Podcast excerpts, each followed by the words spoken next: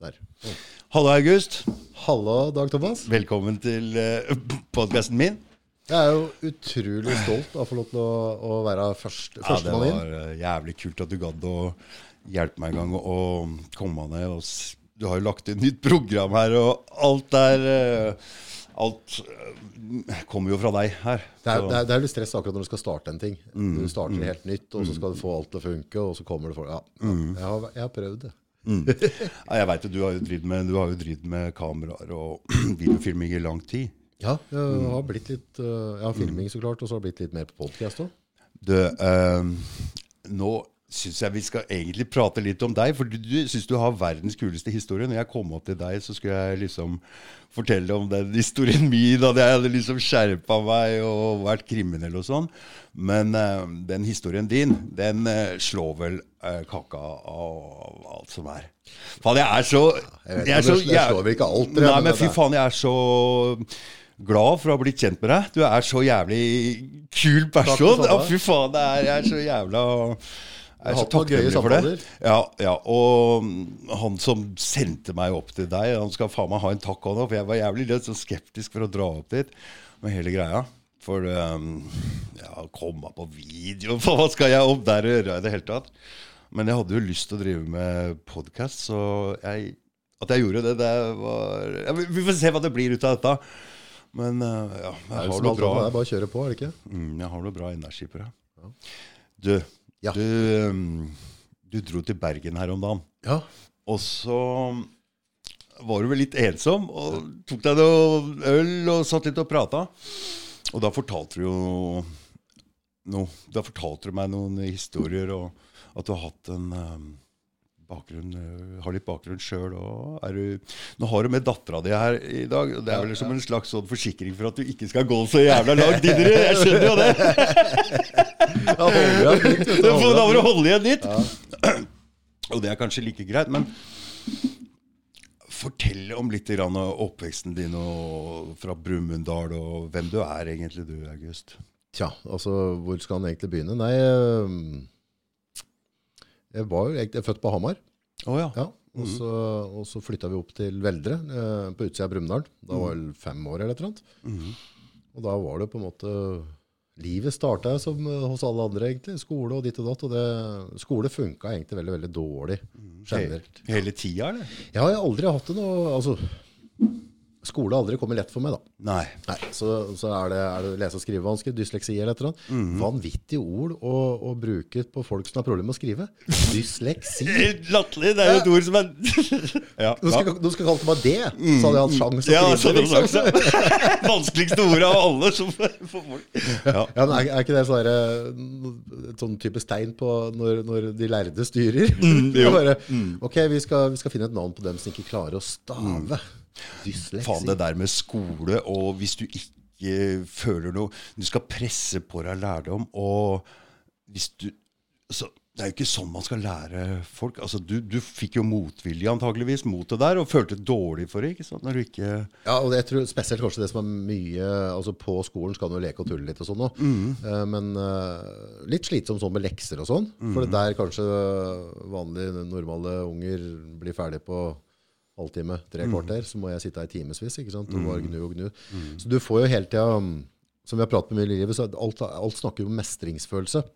Får du en mestringsfølelse i hverdagen din, noe som er veldig veldig viktig, så har du òg mulighet til å utvikle deg videre. Men i, i det du roter bort, altså hvis hver dag du skal gå på jobb, da, og du gjør feil hver dag tenk, altså, Du hadde ikke gødde vært i den jobben lenge. altså. Nei, det er ikke kult å gå på jobben da. og Det er, øh, føler seg nedtrykt der. Og også når du er liten, så er du jævlig sart og var, og faen, man er sårbar når man er liten. Vi er jo flokkdyr, så, så jeg tenker liksom alle ønsker på en måte altså Dette her med at vi skal liksom være så spesielle og, og ikke lik alle andre. Vi skal være unike. Det tror jeg nå kommer litt i voksenliv. Når du er liten, så må må ja. du ikke tenke på å være unik. Du har lyst til å bare være som resten av gutta. Klart det. Jeg husker jeg bare hadde nye sko. Som hvite sko som skinte. Jeg bare, det var flaut. Å kleppe seg, liksom. Ja, oh my å nei, god. ja, Krise. Ja, det er krise. Ja. Så ja, det er helt sikkert. Vi vil ikke skille oss ut sånn. Nei. Ik ikke som barn. Nei, ikke da som har barn. du ikke lyst til det. Også. Nei. Så jeg tror jeg nå som kommer, jeg vet ikke når du kommer, men du kommer i voksenalderen. alder, da skal du på en måte være litt kjerringa mot strømmen og, og ikke være som alle andre. Da. Tror du at folk som har dysleksi, har lettere for å dette ut på sk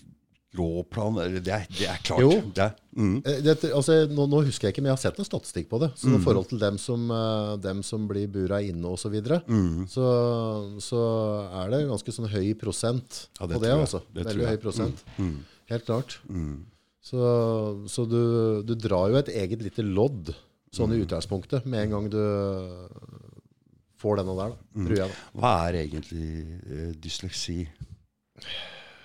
Eh, Det burde jo egentlig ha virkelig satt meg mer inn i, men, men i utgangspunktet så har du problemer hvis du skal lese et eller annet. da. Eh, Så jeg hører noen prate på at de ser at bokstavene hopper og danser, og at, at det tuller med deg sånn, at det blir veldig veldig rot. Eh, I mitt tilfelle så har det vært mer det at jeg bruker mer energi på å lese Altså jeg bruker så mye energi på å forstå orda at jeg forstår ikke budskapet. Nei, fordi jeg skal si en ting med å lese. Det må leses fort. Hvis ikke så må du lese det om igjen. Altså det, det er eneste måten å lese på. Lese fort, for- og så kommer liksom forståelsen sånn eh, etterpå. Ja. Det, å lese sakte, det fungerer ikke, for da får du ikke med deg hva som står der. Nei. Du konsentrerer deg for mye om orda. Ikke sant? Og så, så bare har du lest en side, ikke sant? så bare hva er det jeg lest om. Jeg har lest en side, liksom, jeg vet ikke hva jeg har lest om. Eh, nei, så, så det er vel sånn jeg kanskje opplevde det. Da. Så, så Og du ser ikke, eh, selv om du har sett ordet mange ganger, så ser du ikke om bokstava står riktig, eller det ser ikke noen ord får det en sånn gjenkjenning på, men en, en dag i dag altså klart, Men nå er det jo mye mer i forhold til sånn jeg jobber nå, så er det mye mer e-mail og, og mer eh, beskjeder sånn. Så jeg har jo fått øvd mer på det i voksent liv. Eh, men, uh, men det kan fortsatt være sånn at jeg ser på en måte et eller annet i avisa, eller et eller annet, og så tror jeg at det står det. Så tenker jeg faen, dette er en slags overskrift, det er vel gærent? Og så bare kikker litt nærmere. Å, hva var det? Ikke sant? litt Drit i det. Vi kan ikke spore av sånn hver gang det er et eller annet, men jeg syns det kanskje bare var litt interessant, fordi um, ja, det, er litt interessant. Det er veldig mange som sliter med det, tror jeg. Ja. Så, Og, og syns kanskje hele skolevesenet bør gå litt i Altså nå, nå de gjør det nå, altså. Altså, det må gå lavere, litt mer interessant for unga. Har, nå har du data, altså de sitter med dataspill. Du kan ikke sitte på med den gamle måten å undervise på nå. Nei, altså jeg tror eh, eller, altså, jeg er helt sikker på det at skolevesenet nå i dag eh, har en helt, helt uh, annen måte å ta det på. En annen pedagogikk. Eh, jeg tror jeg var, for jeg er født i 77, så jeg var nok i det krysningspunktet da de begynte å være klar over hva dette var, og begynte å på en måte jobbe et system rundt det. da. Så, så, så de har kommet langt i dag, tror jeg. Jeg tror, eh, Har du dysleksi nå i dag Det er og sånn at det, altså Du ser ting gjennom øya, og så går det inn i ene hjerneandelen, og så skal det ta over til andre hjerneandelen, i forståelsesbiten, og der er det en eller annen sånn kobling som har kortslutta litt. Så det er en som sagt, noe, Men jeg tror de har funnet måter å åpne nye bruer på. Ja, ja. Så jeg tror Har du den utfordringa nå i dag, så tror jeg du faktisk har en god sjanse. De har, teknikk, de har fått noe teknikk på å, å gå rundt det. Mm. Ja, Men ok, nok om det med dysleksi. Vi kan ikke stoppe hver gang det er noe. Fortell litt mer. om- Tenker du sånn videre med barndommen? Ja, og- ja, ja. ja. Mm. Nei, altså, det, det starta jo liksom litt der. Uh, jeg har vært veldig heldig. Jeg har hatt uh, mye gode kamerater, fin familie. Så, så um, jeg har ingenting å klage på. Jeg har gjort mine egne valg Ja, hele veien. ja. Som jeg tror var uh, kanskje Det som ble en liten sånn game changer, var i ja, type ti tiårsalderen eller noe. Så, så døde faren min, han var 32 og fikk et masse hjerteinfarkt. Og og det er jo sånn som påvirker en øh, jobb, vet du. Så, og så var det et par andre hendelser etterpå som var egentlig litt uheldige. Så, så det, det blanda med at jeg ikke hadde noe eh, At jeg ikke fikk noe det, altså jeg, Arbeidet mitt, skolen, der fikk jeg egentlig bare negativt altså Uansett hva jeg prøvde på, så ble det dårlig. Kanskje jeg fikk det litt i sløyden eller et eller annet. Men, eh, men eh, så, så da da starter jeg kanskje på litt feil, feil retning, da, rett og slett. Eh, ser nå i etterkant. Mm. Men det er jo ingenting som er feil i livet når du Når du har landa sånn som du har landa nå, så er jo alt det du har gjort, er jo erfaringer. Du hadde jo ikke vært den personen du er. Det er jo Ja, ja. Nei, altså, sånn jeg står nå i dag, så, så kunne jeg for så vidt ikke ha, ha bedt om så veldig mye mer. Så, så jeg har vært veldig heldig der, da. Så det, men nei, det, det, det, livet, livet generelt, det, det er jo bare en type Alt er jo en erfaring, og så kan du velge. Og det var en eller annen sånn gluping, eh, og, og det er jeg veldig, veldig, veldig klar på. Uh, livet mitt har ikke vært noe tøffere enn ditt eller andre sitt. Eller jeg har gjort mine valg underveis. Eh, om jeg var 10 år, eller om jeg var 12 år, eller om jeg var 16 eller 18 år, så har jeg alltid gjort valg. Eh, så jeg, jeg føler ikke det at jeg skal peke på si at læreren gjorde sånn, eller den sa det, eller det skjedde der. For det er noe en gang sånn på en måte at hvis du og jeg blir utsatt for en ulykke nå i dag, så kan vi si at vi blir påkjørt, av, og så får vi knust bilen og Ja, du da, kappa fingeren din, ikke sant? Så kan du si ja, men hadde det ikke vært sånn og sånn at arbeidsgiveren skal gjøre sånn og sånn, eller ditt eller datt, så skal vi på en måte bruke masse energi og legge skylda på det. Eh, det. Det fører oss ikke framover. Men det som viser hva du, og hvilken mann, hvilken kvinne du er, det er jo hva du gjør etter du har vært utsatt for et eller annet. Hvordan du takler problemer. Ja, ja, det er der, det er, uten tvil, det er der, det er der livet, det er det som beskriver hvem du er. Det er helt riktig, for faen. Det er helt riktig. Men det er så menneskelig. Altså, det er, hvis jeg kan på en måte legge skylda mi over på deg nå, at, og, og Dag Thomassen gjorde dette her, hadde ikke vært for at jeg møtte han i ungdommen, Ja, som tok ja, meg til den ja, og den kameraten. Det er helt feil. Ikke? Ja, det er sant? helt feil. Det er helt feil. Uh, og det, det er liksom nøkkelen til å ikke gå videre fram i livet. Mm, det er faen meg riktig. Mm, det er Så, riktig. så det, det, det kan jo være på en måte Det kan høre folk som at, at du havner inn i, inn i Nav-systemet, ikke sant? Mm. Og så sier jeg ja, de er helt håpløse å ha med å gjøre. Ja, jeg og ser mye av det der. Jeg ser mye av det der. Hvorfor er det Nav-systemet? Måtte du i Nav-systemet? Mm. Og så hadde du mulighet, altså Det er et valg du har tatt. Jeg forstår det at veldig mange har type handikap, fysisk, psykisk osv. Mm. Men jeg tror at vi alle er unike på en eller annen måte. Og Mm. blir vi utsatt for et eller annet, så kan vi ta valg en eller andre retningen. Mm. Ikke, ikke legg skylda på andre. Jeg har hatt et par erfaringer med Nav, og jeg har bare godt å si om det. Altså. Ja. Det var akkurat som den bare hjalp meg så jævlig. Og, men jeg kom jo jeg er en sånn guttunge som ikke kan noen ting. Kommer med papir. Jeg kan ikke hjelpe meg å fylle ut det. Jeg skjønner ingenting. Ja, ja, ja. Altså, jeg, jeg, jeg, altså, det, jeg, jeg driter i det. Det er du, du Jo, jo, nei, nei, vi- nei, vi har samtale, vi nå.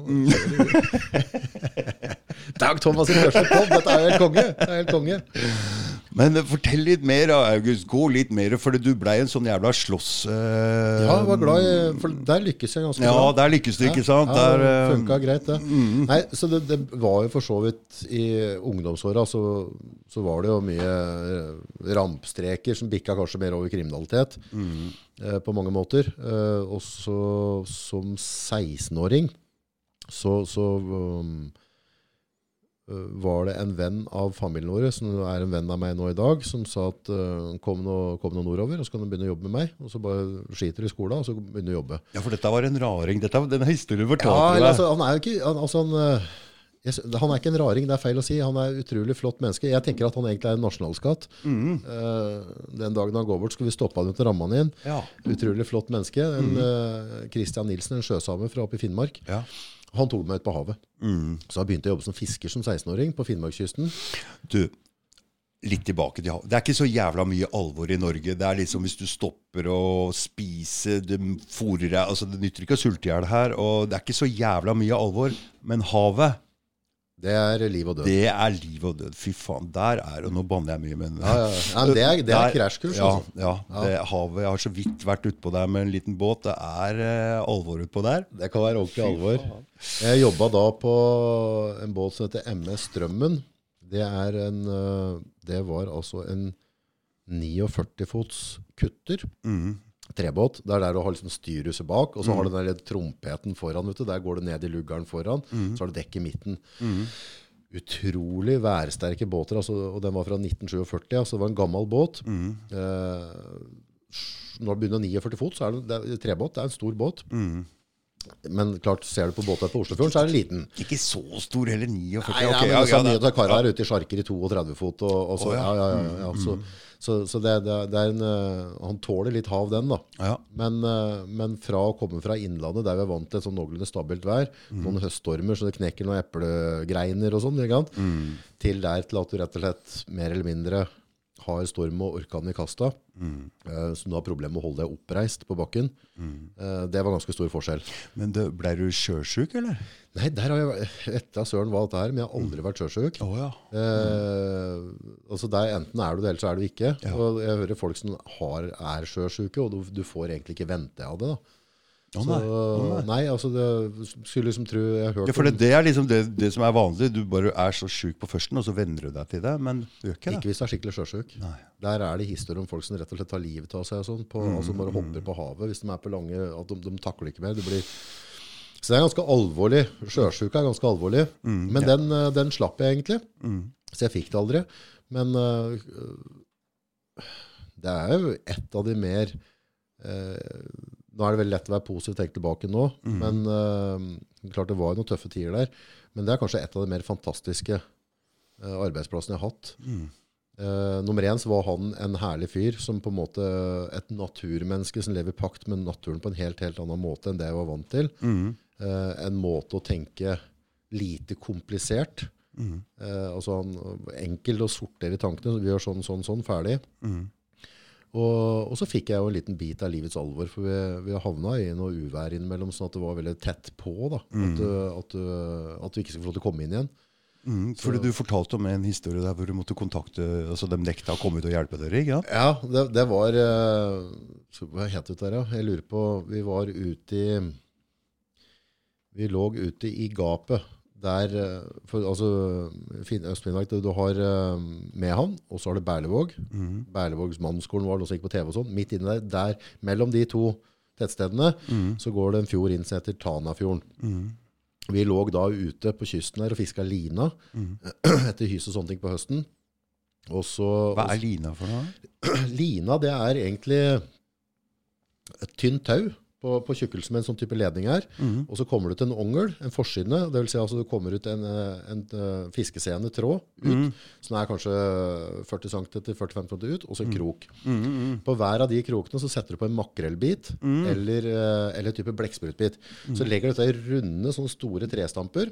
Så legger du liksom lina oppi, og så legger du på avispapir. Så legger du kroka bortover på sida. Avispapir og kroka bortover på neste side. Så går det sånn. Eh, og da hvis du har et stort linbruk, og du knyter, da knyter flere sånne stamper, da, sånne butter i hopus, og da kan du få flere tusen kroker med forskjellige agn på. Så slipper du dette uti, og så ligger dette fisker i havet. Så trekker du opp, og da har du da fisk på dette der, da. Så, For det er nok av fisk oppi der? Eller hva, i hvert fall på den tida? ja, ja, ja, ja, voldsomt. Masse fisk. Så den der sløyinga, måtte dere dreiv med det? Eller Ja, er, er, er, drepte dere fisken? Eller Ja, er det bare, f- ja, for når du får fisken opp i båten, da, så det, kvaliteten på sjarkfiskere i Norge er jo helt, helt magisk. Oh, ja. Det er ikke, altså Trålposer, det blir masse fisk tråkka sammen og sånne ting, sånn type Rema 1000-fisk. Oh, ja. Men eh, så mye av fisken fra Finnmark går jo bare på fly ned til Frankrike på restauranter og sånn. Oh, ja. Da kommer fisken levende opp i båten, så bløgger du den. Hva betyr det? Eh, da skjærer du den i halsen, så at du får tømt den for blod. Samme sånn at du, at du Så alt dette blod og slim og sånn er ute på dekk, ikke sant? Ja, ja. Så, men det, dette er jo det på en måte, det renner jo bare ut. Ja, det renner- ja, det renner. Så du har, jo, du har jo på deg en type sånn oljehyre. En sånn der snekkerbukse bare laga av, eh, av gummi. da. Så har du store torsker, så holder du en sånn liten, nesten sånn baby, og så bløgger du den. Og derifra så kaster du den oppi et stålkar. Der er det ganske tjukk slange som står og pumper havvann inn. Så dette står og skylles. For da er det fortsatt så mye liv i fisken. Så når den ligger i det karet der, så spreller den ut av seg all fisken. Så alt blodet som ligger i kjøtt, alt sammen, det går ut. Så når de karra der blir fulle, så begynner vi å sløye. Men det, du vet, Når de eh, slakter, så er det jævla viktig å få ut blodet. Er det viktig sammen med fisken? Eller for, Helt, ja. ikke, for ikke få den smaken? Eller? Helt avgjørende for Ja, kvaliteten. å, ja, å, ja, ja. Avgjørende for kvaliteten. Ja. Så den trålfisken der blir jo ikke den, den dør jo bare av seg sjøl. Så den er sjøldøva. Oh. Den blir jo ikke i hjel. Så det vi gjør da, da bløgger vi den, og så ligger den da med masse flott kaldt havvann fra, fra kysten vår, og bare renser ut alt sammen. Så er den blank, fin, ikke noe blod, alt er rent. Så spretter du vomma på den, og så, så det skal jo da på en måte være, for da er den jo allerede kutta i, i halsen, så den står åpen, og så gjør det et snitt ned fra toppen og ned til godthølet der dritten kommer ut. Og så skal du gjøre to snitt i nakken, og så vrir du av hodet, for da har du en kjøttet bak på hodet, og så kan du gå inn i drar du Men dette er jo jævla glatt, og det går med ja, ja. hansker ja, og det er ganske tøft å tvinge av, så det var mye betennelser, altså. Mye bet- betennelser, ja. Oh, Mhm. Ja, det er tungt arbeid. For hvor mange timer står du der og som en 16-åring gutt, og hvor mange Altså, det blir jo Det varierer hvor mye du får inn, men sånn uh, ei god natt, da, så drar du inn mellom ett til to tonn med fisk. Og, det, all den, og sløyd, da. Mm. Han veier jo litt mer rund før den er sløyd, men da er det, altså, da er det et par tonn, kanskje. Men Et- begge to jobber, ikke sant? da? Ja, men er du lærling, så, så Da jobber du mest. Ja, ja, ja. ja men, så er det, men jeg hadde jo vilje, jeg hadde lyst til å lære. Ja, ja, Så jeg, jeg er ganske habil på å sløye. Men da, da er det bare å få et godt arbeidstempo. Og så står jo ofte Det er jo bølger. Ja. Det kan være midt på natta, det kan være mørkt.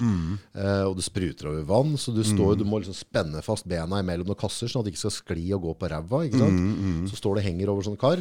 Flekker opp magen, skjærer av huet, river ut innvollene. Og derifra så kaster jeg den opp i et nytt kar, som òg står og renner i vann. Ja. Så vi får bort alt slog og alt som er der. Så det er forskjell på fisk. Hvordan kan man vite det når man eh, Nei, jeg, jeg ser det. Altså, Du sånn- ser det, ja. Ja, ja, på en, Kan du spørre for eksempel hvis du går i fiskebutikken hvor er fisken fra og den stilen der? Og, Ja, ja, altså no, no, du har jo noen hardproffe fiskebutikker som har veldig veldig god kvalitet, som får det inn fra de sjarkfiskere. Men sånn typisk så ser du jo, for det, fisken òg har jo små vener. Eh, altså Ikke de store blåene, men de har jo vener i kjøttet. Du ser det veldig godt i nakkeområdet, for rundt der du har skåret av nakkebenet, da. Eh, hvis den ikke har blødd ut riktig, så vil du se at det vil være litt rødtone rundt, rundt den nakkeområdet. Og så kan du se at det er små vener ut i det hvite kjøttet hvis det er torsk. Da vet jeg at den ikke er bløgga på ordentlig.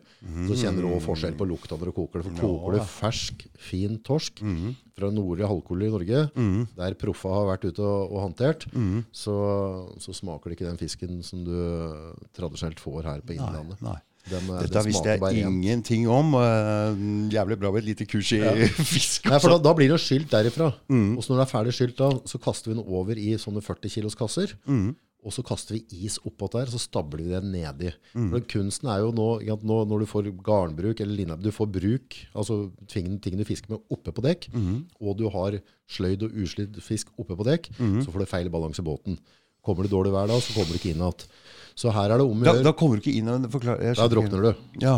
Altså, da, sjansen for at båten går ned hvis du har for mye tyngde oppe på dekk, er veldig, veldig stor. ja, ja, for du må ha det ned, ikke sant? Vi skal ha ned lasterommet. Så det vi gjør Da Da vil du ha kran og Nei, da kjørte vi manuelt. Mm. kjørte vi manuelt. Så da hopper vi bare nedi, står det ned i lasterommet, stabler opp sånne fiskekasser og slenger på fisken. Og så står du med spade, kaster på is, og så stabler du dette her, og så må du gjøre det fast. Altså, ikke ta, for hvis dette begynner å flytte seg nede, så kan det òg være en, en faktor som bidrar til at du får trøbbel i dårlig vær. Da. Jeg husker alltid når jeg var ung, så gikk det alltid rykter om Fy faen, du kan dra opp dit, dra hundretusenvis av kroner på en måned. Og Før så var det tilfellet. Før var det Det kan ja. godt hende at det er det på gode båter nå i dag òg. For det, hvor mye, eh, du har det du kaller mannskapslott. Mm. du- har fiskelott. Ja. Eh, det vil si at da er det en prosentandel som går til båten. Mhm. Og så er det en prosentandel som går til bruket, altså garna, lina, altså dem som eier utstyret. Oh ja, så det er, det er ikke samme som eier? Ofte så er det det, men noen båter kan du da kjøpe deg inn på bruk, at du er med å kjøpe bruket. Mm. Da vil du også få prosenter av forhold til hva du eier der. da. Men da har du òg vedlikehold av bruk og sånne ting. For du veit litt om dette her, for du, du sa til meg at du hadde båter også seinere? Ja, ja, jeg har kjøpt en fiskebåt tidligere. Og, eller, mm. Så, så da, da har du en prosentandel, og så er det da prosenter av fangsten som fordeles på mannskapet. Men da på en måte trekkes mat, støvler, hansker sånn ut fra regnestykket, og så går det så så mye til båten, så så mye til mannskapet. Og er du med en skipper som fisker veldig godt, som har en god kvote, altså vil si at han har stor eh, han har en stor fiskekvote, at vi kan ta inn mye fisk. Og, og han er uh, hard på å drive deg, at det er mye ute, mye ute og jobber. Og utnytter sesongen, så kan du tjene hundrevis av tusener på kort, kort tid. Disse kvotene og sånn er det vel kamp om, og jeg vet ikke hvordan det foregår, det, det greiene der, men Jeg vet ikke åssen kvotereguleringa er nå, men ofte så du, skal, du må jo søke på, på, på fiskerettigheter eller kvote. da. Eh, det var en periode der du kunne kjøpe kvoter. altså du, At du kan, du kan gå nå eh, og kjøpe deg en båt med en kvote. At kvota fulgte båten. Åssen reglene er akkurat nå, det er jeg ikke sikker på. Men i utgangspunktet så har de kvotene blitt delt ut fra stat. Riktig. Ja, Så på en måte at du kan uh, si at jeg skal kjøpe meg båt. Jeg skal ha en 40 fots uh, Viksund fiskebåt, har lyst til å begynne å fiske.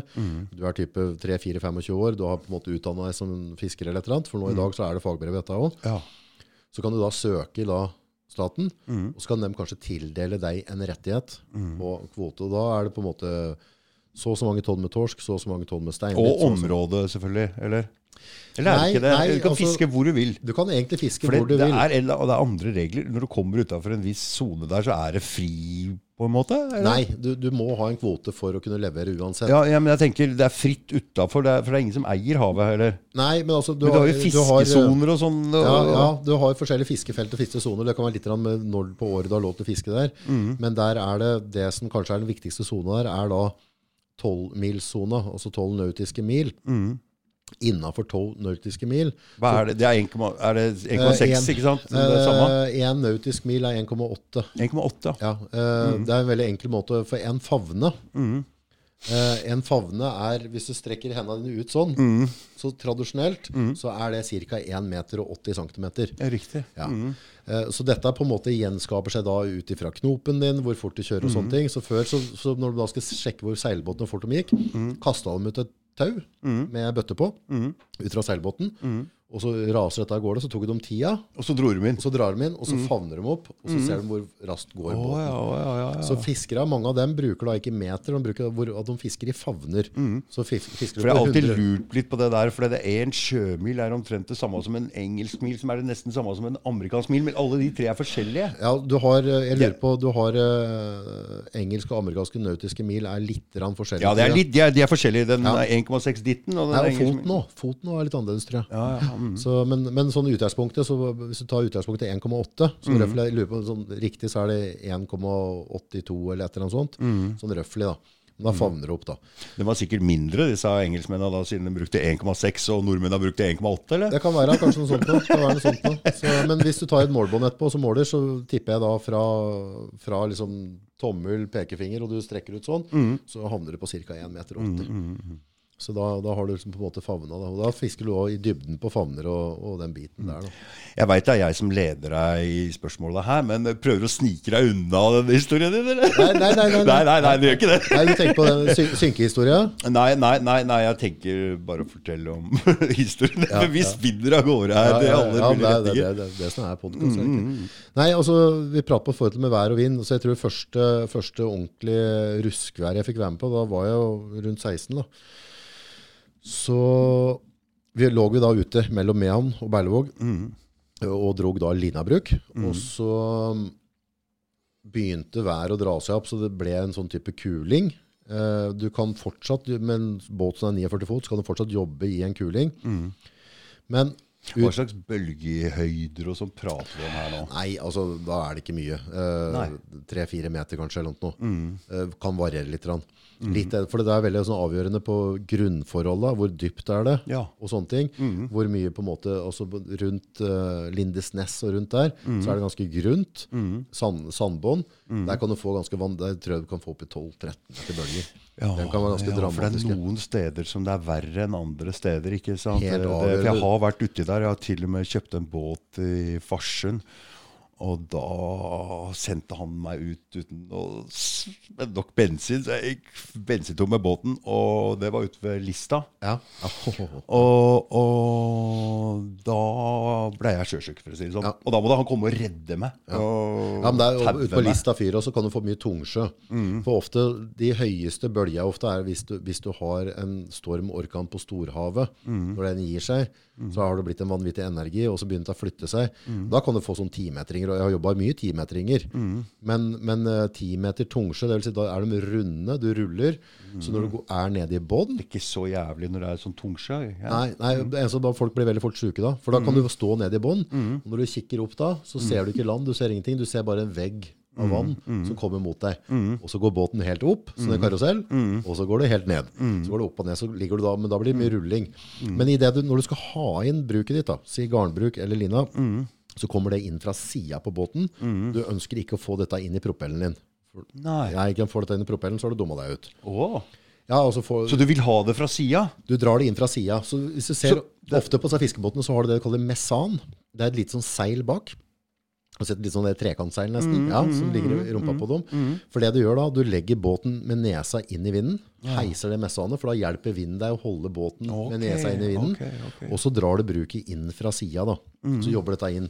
Eh, og det går helt fint inntil sjøen og vinden blir for tøff. For ved et eller annet tidspunkt så begynner den å vri rundt på båten og rote, og så begynner det å dra bruket ditt under båten. Og da er det fare for å få dette i propellen. Og er du da på tampen av bruket, og du har grove, fine tau, du vikler dette i propellen din, og du låser propellen der, så kan du da råke til å bli hengende igjen i, i fiskebruket ditt.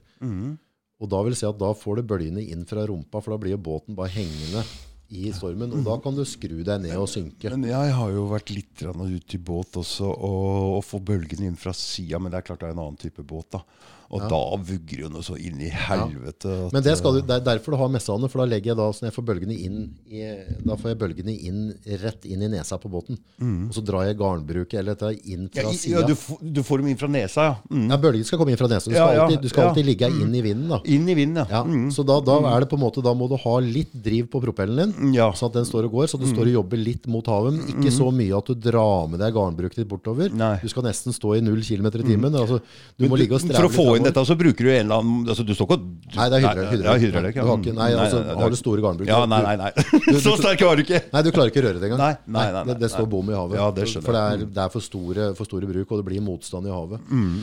Så i hvert fall da sto vi da ute, og så var det vel da type kuling, og så begynte den å nappe seg opp og begynte å nærme seg en storm. Og da kom vi på en måte inn i et punkt der det begynte å bli uakseptabelt, så vi måtte bare avbryte, skjære av bruket, Skjære av bruket, ja. og bare knyte på ei bøye og kaste det, og så se at Knyte, ja, knyte på ja, for vi finner, så- at- ja, altså, Uansett så vil du kanskje finne den andre enden, for du har jo bøye i hver ende av dette. Ja, ja. Mm. Men Da måtte du bare skjære av, og så gå i dekning. Gikk i dekning inn i en, eh, en liten fjord. Eh, nedlagt sånn eh, Lurer på om det var olje fiskeolje som hadde kokt ut tidligere. Lurer på det, hvis jeg ikke husker feil, så kanskje det var Tyfjorden. Eh, og ligger der inne og venter på at været skal gi seg litt, for da var det for tøft å ligge her ute. Eh, og så hang vi oss opp igjen for fortøydning, da. Og så bare tok vi natta og la oss til. Og så våkner jeg av noe skriking og noe greier, og at det dunka og slå i båten. Men da hadde det vist seg at når vi lå og sov, så hadde da på en måte vinden dratt seg såpass opp. Så vi drog med oss hele den fortøydninga. Så båten hadde da gått med rumpa helt inn i fjæra og begynt å slå nedi. Eh, tauet, det er en sånn store tau som er på størrelse med underarmen din. Eh, det hadde satt seg, for dette hadde vi dratt beintøft i. ikke sant? Så, så jeg var, var ut i trusa i, i full storm, og så måtte jeg skjære av, begynne å skjære av det tauet, mens skipperen sto og holdt båten gående, sånn at vi ikke havarerte i fjæra. da, at vi bikka der. Og da sto vi inne i den lille, lille, lille det er en bitte liten fjord, og måtte bare kjøre båten att og fram, att og fram, att og fram. Og jeg lurer på om vi hadde stått kanskje 12-16 timer jeg, på skift, og bare måtte stå og bare passe på at vi ikke Så du fikk ikke kappa den Uh... jo, vi fikk kappa nå, men, men vi står jo da i Ja, beskyttelse det er, ikke- det er ikke noe sted å å henge oss opp, Nei, og vi står da i beskyttelse av været. Vi kan ikke gå ut på havet igjen, for det er for tøft der ute. Og så, og så fant vi vel ut da at uh, vi hadde stått der ganske mange timer. Uh, og så fant vi ut at Og jeg dytta litt på, ja. Og så tenkte jeg nå begynner været å bli bedre. Vi, vi tar sånn, kan, vi, kan vi ikke gå ut nå? Dette, Vi tåler dette været her. Vi går ut. Ung, dum, uerfaren, så jeg dytta jo veldig på dette her at nå, igjen, nå, nå kjører vi. ikke sant? Kom ut, og så ble det verre. Så da gikk den stormen over fra storm til orkan i kasta. Eh, og da var toget gått til å snu og gå tilbake igjen. For da Altså, du vil ikke ha en orkan fra sida. Nei, Nei, altså, det- ikke, ja, altså Ved et eller annet tidspunkt så du vil ikke snu. Så du Nei. kommer til sånn point of no return. Mm, Så da begynte vi også å gå innatover inn til den havna vi skal legge til. mm. Eh, og da begynte det å bli interessant. For det, nummer én så, så ser du ingenting. For vinden blåser så hardt, så han kaster havet opp. Og det er jo regnvær og dritt. Eh, og Kjører du mot bølgene nå, Ja, da kjører vi mot bølgene. Vi var på tur innover. Mm. Og så Uansett så må du gjøre det. I verste fall så må du krysse at du kan ta det med 45 grader. Så Ja. på en måte at du skal i én retning. Går du 45 grader til venstre, 45 grader til høyre. 40, så- Ja, jeg veit det der, for jeg har vært borti det sjøl. Da ligger du og krysser. Så på 45 grader så tåler båten ganske mye. Men du må følge med. For du kan jo på en måte du har, Nå husker jeg ikke det mattestykket der, men det er, du har det du kaller brottsjø. Eh, en gang imellom et sånn systematisk så kommer det en bølge som er tøffere enn de andre. Det er sånn cruise, og den drar til deg. Hvis ikke du er forberedt på den, og du har motor å gå imot den, og du får vridd roret ditt mot den bølga, Mot den, ja. Da kan du ikke være 45 lenger, ikke sant? Da må du, ja, da vrir du deg litt Da mer. ja, mm. Eh, Så da må du hente den litt inn. Og hvis ikke du gjør det, så kan du kantre. At du går rundt. Så, så da lå vi på en måte jobba innover der. Og dette var jo før uh, de fleste båter hadde radar. Så vi hadde jo ikke noe radar. Og hadde bare et sånn type kompass som er skrudd fast i dekk som ligger i et sånn vatersystem. Det snurra jo rundt, for båten hoppa og spratt, og det Du visste ikke hvor dere var på vei? Ja. Kapteinen var uh, veldig veldig kjent, så vi hadde et ekkolodd som sto på. en Sånn der, Ja, han visste på Som grunn av han, så på, han, så på, han visste hvor vindretningen kom fra, og så på bølgene hvordan de traff båten. Eh, og innimellom fikk han sett litt stjerner, og så så han da på dybden, hvor vi lå sånn cirka. Så han stakk en god kurs innover der, da. Men da Neste som skjedde da, var at av at Kanskje vi var på en åtte meter, ti meter altså, da, da, altså Det var sånne hus, store bølger. Ikke så veldig interessant å være utpå der. Det blåser så mye så det begynner å piple vann inn fra vinduer, fra dører. Alt som har vært løst på dekk, bare blåste av dekk. Eh, og så banka det så fælt, så vi begynte å riste opp en del di dieselen i tankene. riste av, og så Mm, kom, det, så kom det da plutselig møkk og dritt som lå i tanka. Det der er akkurat det jeg har vært borti, ass. Og da begynte vi å tette dieselfiltrene våre, så vi begynte å miste motoren. Og det vil du ikke i, i den reisa der, da. Eh, Men det skjedde, så vi, vi lå liksom på type 800 omdreininger. Ga det på mer, så kvalte den seg, for da var det ikke nok diesel. Så vi fikk liksom ikke gitt på gass. Uh, og skjønte at dette her uh, kan gå dit høna sparker. Så da var vi på, på VHF-en. Diger sånn brun VHF med sånn hjul som vrir tjuk, tjuk, tjukk rundt med forskjellige kanaler. Det var ikke noen digitalknapper da. Og så, og så um, prata vi med Kystvakta. Og da lå dem i eh, Laksefjorden, som er da på andre sida av, av Mehamn. Uh, og været var for røft, så de kunne ikke komme rundt og hjelpe oss. Så de sier da etter hvert at uh, det er òg en russisk fraktebåt som er på tur, uh, og den kommer til å gå inn i Tanafjorden for å ta skydd for stormen. For de hadde fått så mye Så de hadde mista tømmer fra lasta si. Altså det, det, det, bølgene raserte denne lastebåten, så de mista liksom lasta. Så den skulle òg inn for å på en måte ri av stormen inn i fjorden. da. Så da kom den inn etter og fikk posisjonen vår, sånn noenlunde røftlig hvor vi var, vår retning. Og så skulle den komme både og legge seg på sida vår og, og, og følge oss innover. da. Eh, så dere går for egen maskin ved siden av? ikke sant? Foreløpig så går vi for egen maskin, men da var jo tanken sånn hvis vi mista maskina, så kunne Mm. prøve altså, se om de kunne få redda oss da, og plukka oss opp. Og det var jo for så vidt greit. Og så, så jeg mener jeg kan huske at jeg så at den var At vi i glimta så lanternene på den båten, at den begynte å nærme seg, og følte liksom at dette her begynte å, å dette, kom, dette går bra. Vi kommer i land, dette går fint. Mhm. Neste øyeblikk så løsna batteria. Eh, for båten igjen, det hopper og smeller og ruller og slår. Mm. Eh, så, så mista løsna de batteria. Eh, og dem krasja sammen og knuste, så vi mista strømmen. Og da hadde jeg vært på, ikke nei, da hadde jeg vært på U2, fordi jeg snakka engelsk. Så jeg Mm. med den russiske kapteinen på radioen og på en måte prøvde å holde en dialog Kontakt, der. ja. kontakten der. Men det som skjedde da, var at vi mista all strømmen, så vi mista radioen, vi mista lanterner, Ja. Og så mista vi lensepumpa vår. Oh my god. Så vi fikk ikke pumpa vann ut av båten. Så nå begynner det å bli heavy. Nå Nå, be- ja, nå begynner det å bli heavy. Nå begynner det å bli dårlig, hele opplegget. Og så, så skjer neste faktor, var at hempene på lasteluka ryker av. Bølgene, for det, når du innimellom de brottsjø jeg prater på, altså du kan ha på en måte ganske store, høye bølger, eh, men innimellom så får du den der bølja som er sterkere, Som går over. ja. ja, og så treffer den deg, og så drar den til deg, og så bare skrangler du, høres den hele båten skal knekke. Så nå begynner det å komme vann ned under der. For den, Og den, reva rev av, den rev av hempene på lasteluka vår, og lasteluka blåste på havet, så vi mista lasteluka. Så hver gang bølgene drog til opp på dekk, så drog vi inn flere kubikk vann. Og vi hadde ikke batteri til å sette på lønnsomhetspumpa. Faen. Så båten begynte da å gå tyngre og tyngre i vannet.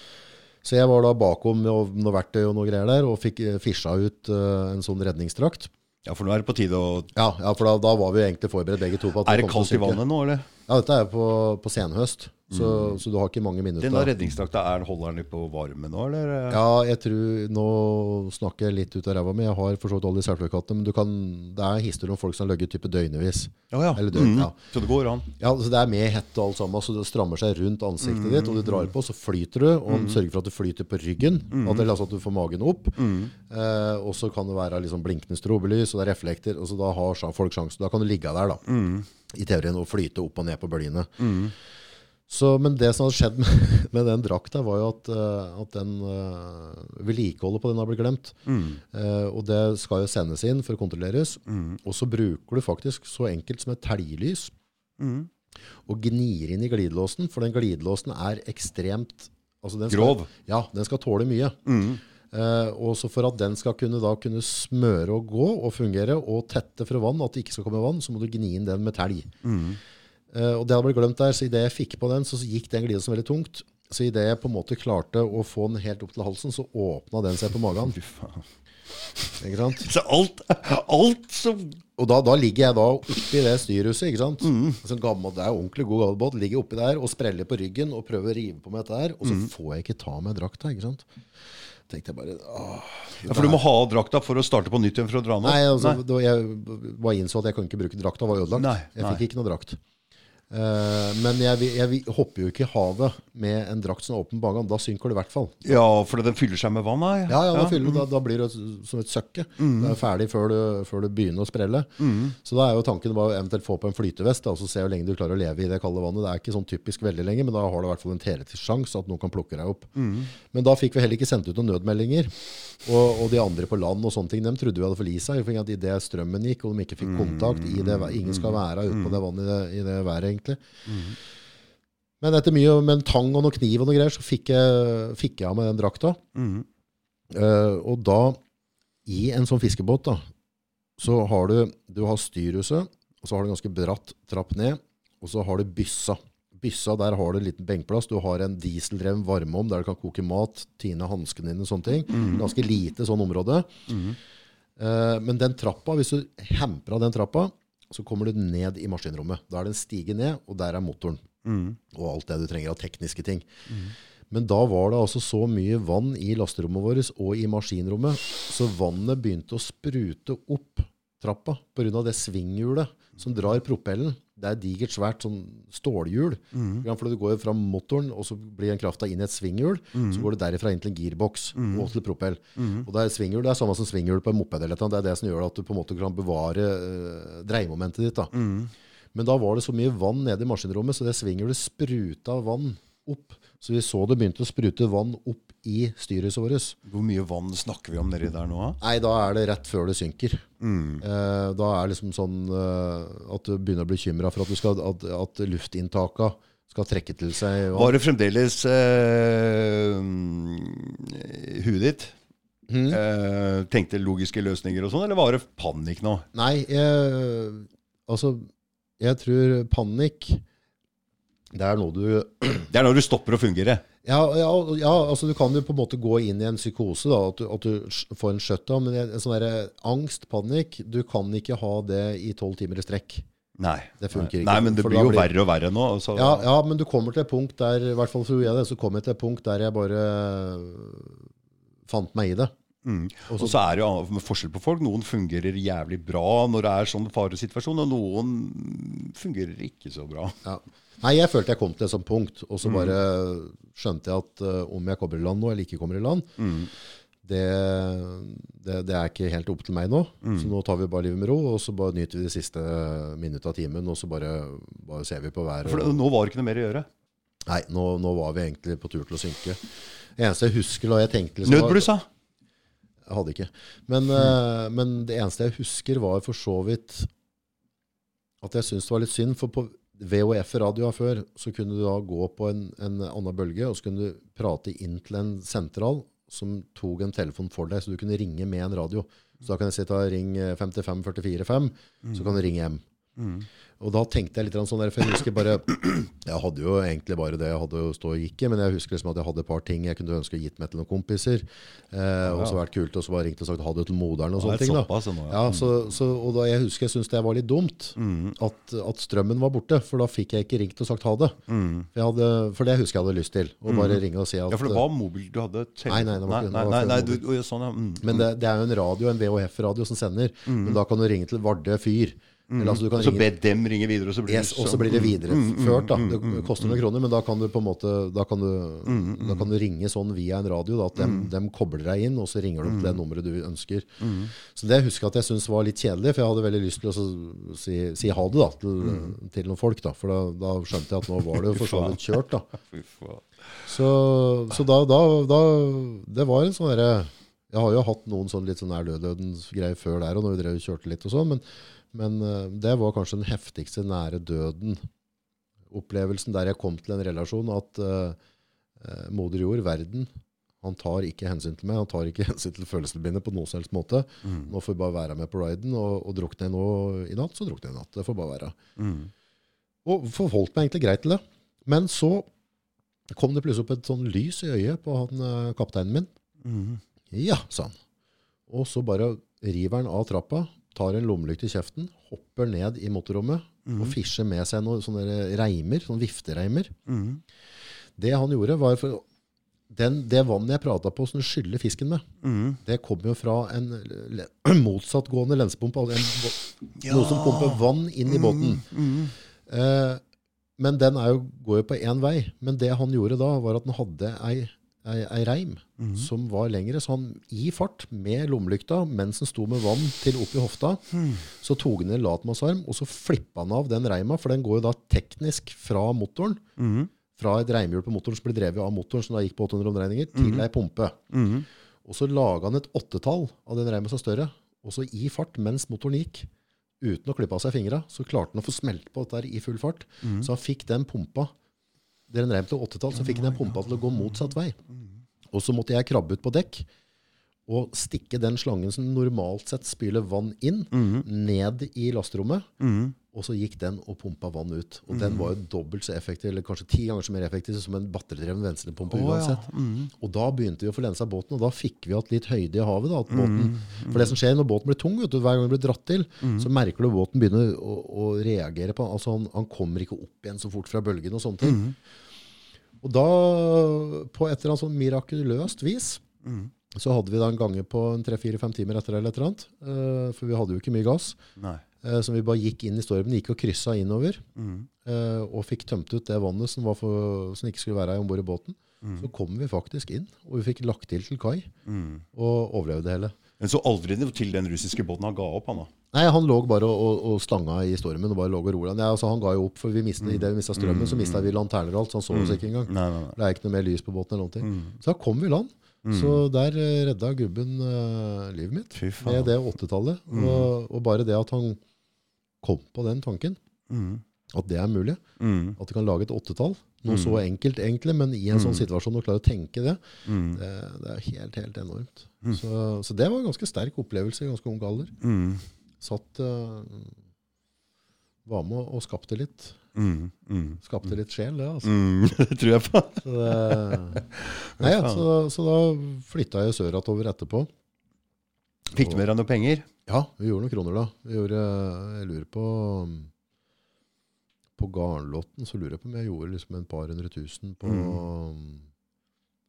på halvannen måned. Halvannen, to måneder. Mm. Uh, og det var ganske bra, så var jeg 16 år. Så når du kommer hjem nå, så har du litt penger i lomma? ja, kjøpte motorsykkel og bil. Og, var, Men du var bare 16, eller? Ja, eller 17 da. da. 17? Ja. Stor motorsykkel, eller? Nei, det var en uh, 650 Triumph Thunderbird. Det er jo en stor motorsykkel. Ja, Ja, 17. Litt for stor. Ja, ja, kanskje litt, da. Litt for stor. det samme sjøl. Jeg kjørte uten førerkort. Det Jeg, jeg hadde en 500, ja. Jeg husker da jeg skulle ta lappen og sånn på bil, og sånn, så kjørte jeg bil sjøl ned og parkerte bak trafikkskolen. Med kjøretida, liksom. Ja. Så det var et par av seg lærere som lurte på om jeg kunne bare slutte med dette. Det så litt dumt ut, liksom. Nei, altså, da, da begynte jeg mm, Begynte jeg som lærling i et entreprenørselskap. Begynte å kjøre gravemaskin. Eller så klart i grøfta først. Mm. Og så til som heter Tom Strøm. SK-gravingen på den tida der. Mm. Eh, vanvittig flott fyr som uh, har vært en utrolig god støttespiller i livet mitt. Mm. Veldig veldig ålreit type. Eh, jeg hadde jo så klart ikke noen farsfigur, og sånne ting da, så han, Mm. han tok godt vare på meg og vanvittig tålmodig, for jeg var en ramp. Mm. Drakk brennende. du kom på jobb, ikke sant? Ja, ja. ja. ja det hendte nok sikkert at jeg var slask, jeg òg. Mm. Men, så han, men han, han var tålmodig med meg og Mm. ga meg mulighet på mulighet på mulighet. Han, han kjente deg fra barndommen, eller? Nei, nei, han var og gravde opp mora mi, og så ble jeg kjent med der. Så hjalp jeg litt til, for da hadde jeg kommet igjen, og så hjalp jeg litt til og spadde og ordna og styra der. Og, så, Mm, og så bare lurte meg på jeg hadde lyst til å være med, og så begynte jeg som lærling der. da. Mm. Det gikk ganske fort til at jeg begynte å kjøre gravemaskin og lastebil, og, og gikk videre. Mm. Men han var, han var fair. Men fortsatt så, så var det liksom litt aktivitet. Og så jeg tror jeg var, det var i hvert fall ikke mange måneder over 18 før første gangen jeg fikk en sånn tur inn da, med, og fikk prøve fengselssystemet. Mm, men Så da, eh, da havna jeg på, på lokka, lokka anstalt. Hvor gammel var du? 18 og et halvt, kanskje? Hva er det som skjedde for noe da? Nei, det var bare noe slåssing. Slåssing, ja. Mm. Brumunddal, eller? Ja. Mm. så, så ble jeg dømt der, da. Fordi eh, Jeg synes du sa allerede der. når du var litt ung, så var du den sterkeste og liksom som kom, som skulle ordne opp i ting. Og, Ja, det ble jo, altså det ble jo Jeg tror alle, alle kameratgrupper har han ene Ja. som går altså Hver gang det er bråk, så er det en som går foran. Og, og jeg ble nok den naturlige typa som, som var veldig veldig nære når det smalt. da, hver gang. Så at jeg, og, Men ikke, ikke noe gærent for kompisene. Jeg valgte det sjøl. Ja, ja, ja, det er sånn det, synes det var gøy og spennende. Det er gøy og spennende, ja. Ja. På den tida så synes jeg Nå i dag så ser jeg at det var kanskje idiotisk, men det får noe ja. mm. spiller med de korta vi har. Jeg var kanskje litt sånn kokos i huet på min måte, da. Mm. Så Nei, så jeg har vært veldig heldig og alltid hatt jobb. Jobba mye samtidig. Drev med mye rødstreker. Mm. Så Men hjalp det noe å komme i fengsel? Nei det, det var kanskje starten av en del av, en del av de tinga som jeg kunne spart meg sjøl og samfunnet for. Mm. Fikk veldig mye nye eh, læremestere, kamerater. Det var, da var det på en måte Og stempel ute òg, på en måte, da han har sittet inne og den stilen der? eller? Ja, ja, nei, altså Du blir, blir jo litt sånn han derre verstingen. Ja, du, Men- blir jo, du får jo litt Altså, du er kanskje litt sånn gæren, og så sitter inne, så bare bekrefter jo det. Ja, men der jeg har vært heldig, da, der eh, kontra som veldig mange andre som har kommet inn, eh, ikke har vært heldig, er jo at, at jeg hadde arbeidsgiver Ja. som bare satt med arbeid med en gang. Altså, Jeg fikk alltid muligheten til å jobbe så lenge jeg gjorde det som var avtalt der. og sånn. Så ble jeg aldri dømt Nei, av sånn, han. nei. Nei, Det så det var viktig. liksom ikke sånn nei, ok, du har sittet inne, så deg prater jeg ikke mer med. Så jeg hadde mye fine voksenfolk. mm.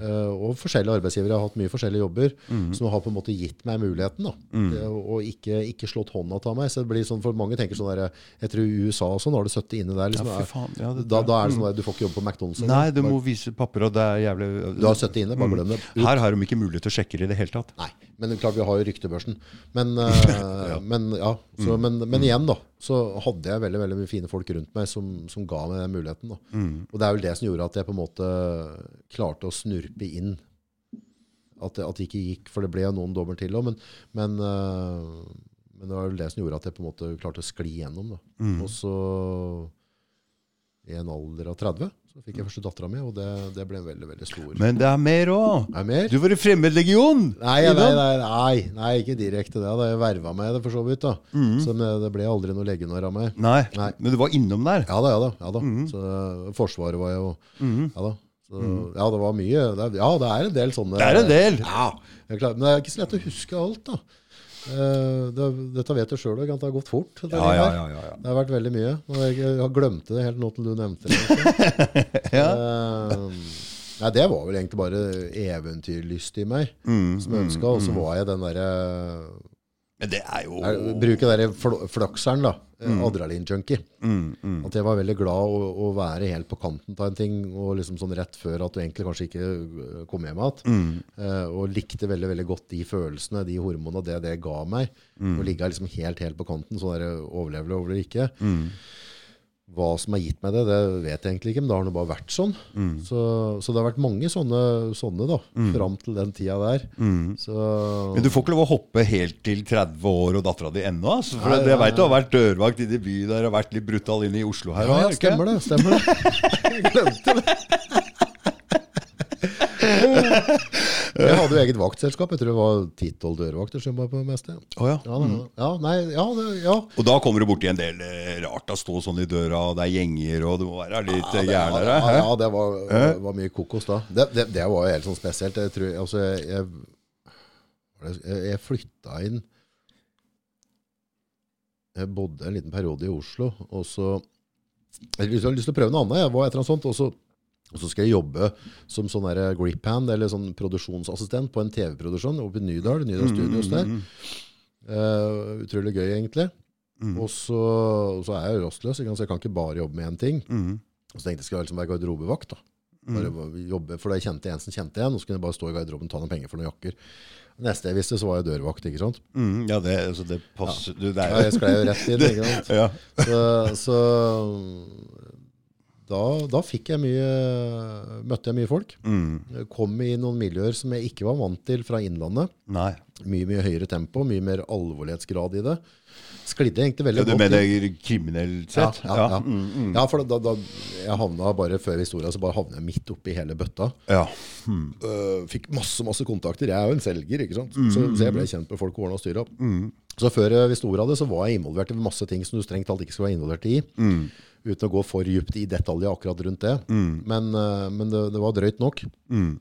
Eh, og så jobba jeg jo fortsatt for det der produksjonsselskapet. Eh, det var Men dere skal vite nå at han, August har fortalt meg litt mer. Jeg veit at han ikke er hypp på å gå noe særlig inn i det, men han har vært en skikkelig runner. Men eh, Ja. så Ja, ja det, det, var, det var, var, var litt av en tid. Så, men da drev jeg liksom som dørvakt. Øh, ble kjent med et helt annet type miljø. øh, der det på en måte var øh, mye, mye tøffere miljø enn det, det jeg vokste opp i. da. Mm, og så, Det var litt sånn komisk, for det, i, i, i samme moment så var jeg ferdig med det TV, TV Norge-prosjektet, der jeg på en måte drev som sånn hjelpeassistent. Ja, så kom du inn der, hva du sa? du? Nei, det var bare at jeg fikk hva skal være sånn assistent. da. At du fikk så og så mye kroner hver dag. Og så Hva du dreiv med? Nei, skal jeg hente frukt og ordne og styre. Ja, ja, bare sånn hjelpe... hjelpe, ja, bare hjelpe, hjelpemann. Men det som skjedde der, var at i utgangspunktet så, så var det en fotograf som var sjuk eller et eller annet. Og så skulle man filme et eller annet, så lurte på om jeg kunne filme. Så ja, det kan jeg, ikke sant. Så leste jeg bruksanvisning, og så filma jeg litt. eller annet. Så i neste øyeblikk så, så tenkte folk at jeg kunne filme. Og så var det, var det var det hun som var da produksjonssjef der. Hun hadde da ei søster som var produksjonssjef i eh, onsdagsdokumentaravdelinga på, på NRK. Og, Og hun, hun, Ja, ja, ja. Det er hun som er i den Stopp lockdown-gruppa, som er administrator der. ja, jeg tror det. Den koronagruppa. Mm. Og så, og så i neste øyeblikk så, så jobber jeg egentlig i NRK. Mm. Og så var jeg egentlig i hovedsak kameramann. Ja. Eh, og jeg hadde ikke gått på skole og kunne ikke dette her, men, Mm. men det var ingen som stilte spørsmål, så jeg fikk jo sånne NRK-biler og kameraer. Dette er begynnelsen på det, det du driver med i dag. Ja, for nå i dag driver jeg og produserer reklame og filmer ting. Mm. Uh, og nå husker ikke jeg hvor lenge jeg jobba der, Dag, men det kan være et års tid eller et eller annet. Mm. Noe i de høver. Og så jobba jeg òg for Outside Broadcasting Team uh, for TV 2. Og Rigga, rigga scener, var med og rigga på, Mm. på Hit Awards på Oslo Spektrum og var med på scenen og hjalp til med kabler under sendinger og sånne ting. Så jeg drev mye med sånn liksom ekstra. Og så var jeg litt dørvakt, og så hadde jeg alle de andre sysla mine som, eh, som kanskje ikke var så stuerene. Så da fikk jeg et veldig sånn dobbeltliv, da. Ja. Mm. Uh, men det eneste jeg vet, er at jeg syns det var utrolig gøy å skape ting med kamera. Altså mm. og, og, og, ta, filme. Og syntes det var veldig fascinerende. Men livet mitt gikk veldig fort på utsida av den vanlige jobben. Så jeg fant ut Det gikk like fort på den ja, utsida. ja, ja, altså jeg, jeg ble mer og mer involvert i kriminelle miljøer. da. Ja. Mm. Så, så jeg tror jeg Så begge de to karrierene tar av på en måte Samtidig. Samtidig. Ja, ja. ja, ja, ja. Full rulle, ja. ikke sant? Ja. Og Catch-gruppa i Oslo. Det var mye rart. ikke sant? Du husker politiet, de, drev, de var jo aktive der. ikke sant? Og så ja, og så jobber jeg også som vekter. For personellsikring, det har jeg glemt. Ja. Ja, du, du er skikkelig aktiv, jeg. Ja, ja, og pers jobba som vekter på Men du har aldri drevet og rusa deg noe særlig? Nei, altså jeg har prøvd noe greier og sånn. Ja, jeg har prøvd noe greier, men du har ikke, du har ikke dette i den Nei, greia? nei, nei, jeg ramla aldri i den båten. og Det som har gjort at jeg berga det. Mm. Så jeg drev med det samtidig, faktisk, når du sier det. Også, også, Men det, på denne tida var du ganske svær og trent og Nei, altså jeg, jeg, jeg var ganske glad i bokse da jeg var yngre. Mm. Så jeg var eh, Inntil jeg begynte å jobbe som dørvakt, så, Mm. så tror jeg jeg veide sånn 4-75 kilo. Å ja. Ja, ja, Å ja. Jeg var ganske lett i kroppen. Og så begynte jeg på Hvor gammel er du da? Nei, Det husker jeg ikke, men noen og 20 eller 3-4. Ja, for det, man, når man er ung, så er man, blir- er man mye mindre, er mindre. tynnere. Ja, og, så, og, så, og så begynte jeg å trene på Haralds gym. Jeg husker med Bjørn Olav, han er død nå, men, men, Men der eh, driver de jo med noe greier. Ja, vi fyrte på. Ja, ja, Ja, ja, ja, ja. Og da la jeg plutselig litt på meg. da. Og Ja, det, det- er er jævla behagelig når du står i døra. For, det, for det, problemet er når du liksom står i døra, da, og, og det skjer mye, og det er mye trøkk. Mm. Så hvis du er lett i kroppen, så må du slå mye. Ja. Når du er svær, så trenger du ikke. Nei, da kan du bare bryte ned folk og håndtere dem ikke sant? Mm. og holde dem rolig. Men er du liksom 74 kilo og det kommer en 100 kilos gubbe, så må han ha seg en smell på haka for å være rolig. Ja, og det blir jo bare trøbbel da, ikke Det, sant? ja, ja, det Kan ble, bli, i hvert Ja, fall. det ble litt trøbbel av det. Mm. Så, Det ble litt trøbbel av det. Så, så, så gutta flirte litt av meg, da, for, det, for jeg hadde jo på en måte guts. da. Mm, Så, så, så det var jo, hvis det var noe bråk, så var jeg, var jeg på plass. Jeg. Ja, det var det. Jeg leverte. Så, men da husker jeg da begynte jeg å trene med Bjørn Olav. Eh, jævla fin fyr. Det var Synd han gikk bort. Men uh, For Haraldsgym er vel liksom Å ja, Haraldsgym. Det er, det er alle de største, jeg gærneste folka. Ja, det var helt konge, husker jeg. Det var helt konge. Ja, er Ja, ja, jeg synes det, på den tida vi hadde sånn boligbukser, vi hadde rumpetasker. Og, Ja, ja. på tida, vi gikk jo perioder så gikk jeg stort sett bevæpna. Du hadde alltid 9 mm i rumpetaska. og- Ja, for du kommer borti mye bråk og Ja, ja, gjenger, ja, og folk, du skaffer deg noen fiender som dørvakt, ikke sant? Ja, det er også litt utafor òg, kanskje. Så samtidig sett der så drev jeg da i NRK da, som, som dokumentarist. Da. Eh, Så kom jeg til den punktet her og tenkte at nå, nå gir jeg meg med flagget til topps. Eh, For jeg var fortsatt godt likt. De var fornøyd med det jeg gjorde. Og jeg var han der go-to-guyen som alltid fiksa ting. Som kasta noe problem. Kan du løse dette her? Så jeg ble eh, NRK er jo sånn pyramid... Nei, labyrint. labyrint. Bare det ble kjent. Avdelinger, intern, det var internmail. Det var et veldig komplisert system. Vanskelig å, å, å sno seg rundt. Da ble jeg kjent med noen her og noen der. ikke sant? Så jeg, jeg, jeg, jeg deala litt der og da. ikke sant? Deala litt! Nei, ikke, nei, ikke, ikke Ikke- deala, men, men altså, en handel en handel. Ja, ja, ja, jeg ja. hjalp han litt der, og så ordna jeg sånn. Og så, så fikk jeg ting til å skje. da, Så jeg tror, jeg tror de var, eh, var happy med meg. Jeg fikk ting til å skje. Ja. Men da, da, da valgte jeg også å slutte sjøl. Da slutta du der. Ja. For jeg tenkte at nå er det bare tidsspørsmål før, det- før noen uniformerte kommer og henter meg på jobb. På jobb. Ja. Så tenkte jeg nå gir jeg meg nå, for per nå så vi, kan godt at de ikke likte meg da, men, men sånn, sånn jeg mener jeg kan huske det da, men nå, er jo- sannheten er jo, trenger ikke være min den, men at eh, inntil da, så hadde jeg gjort et godt inntrykk.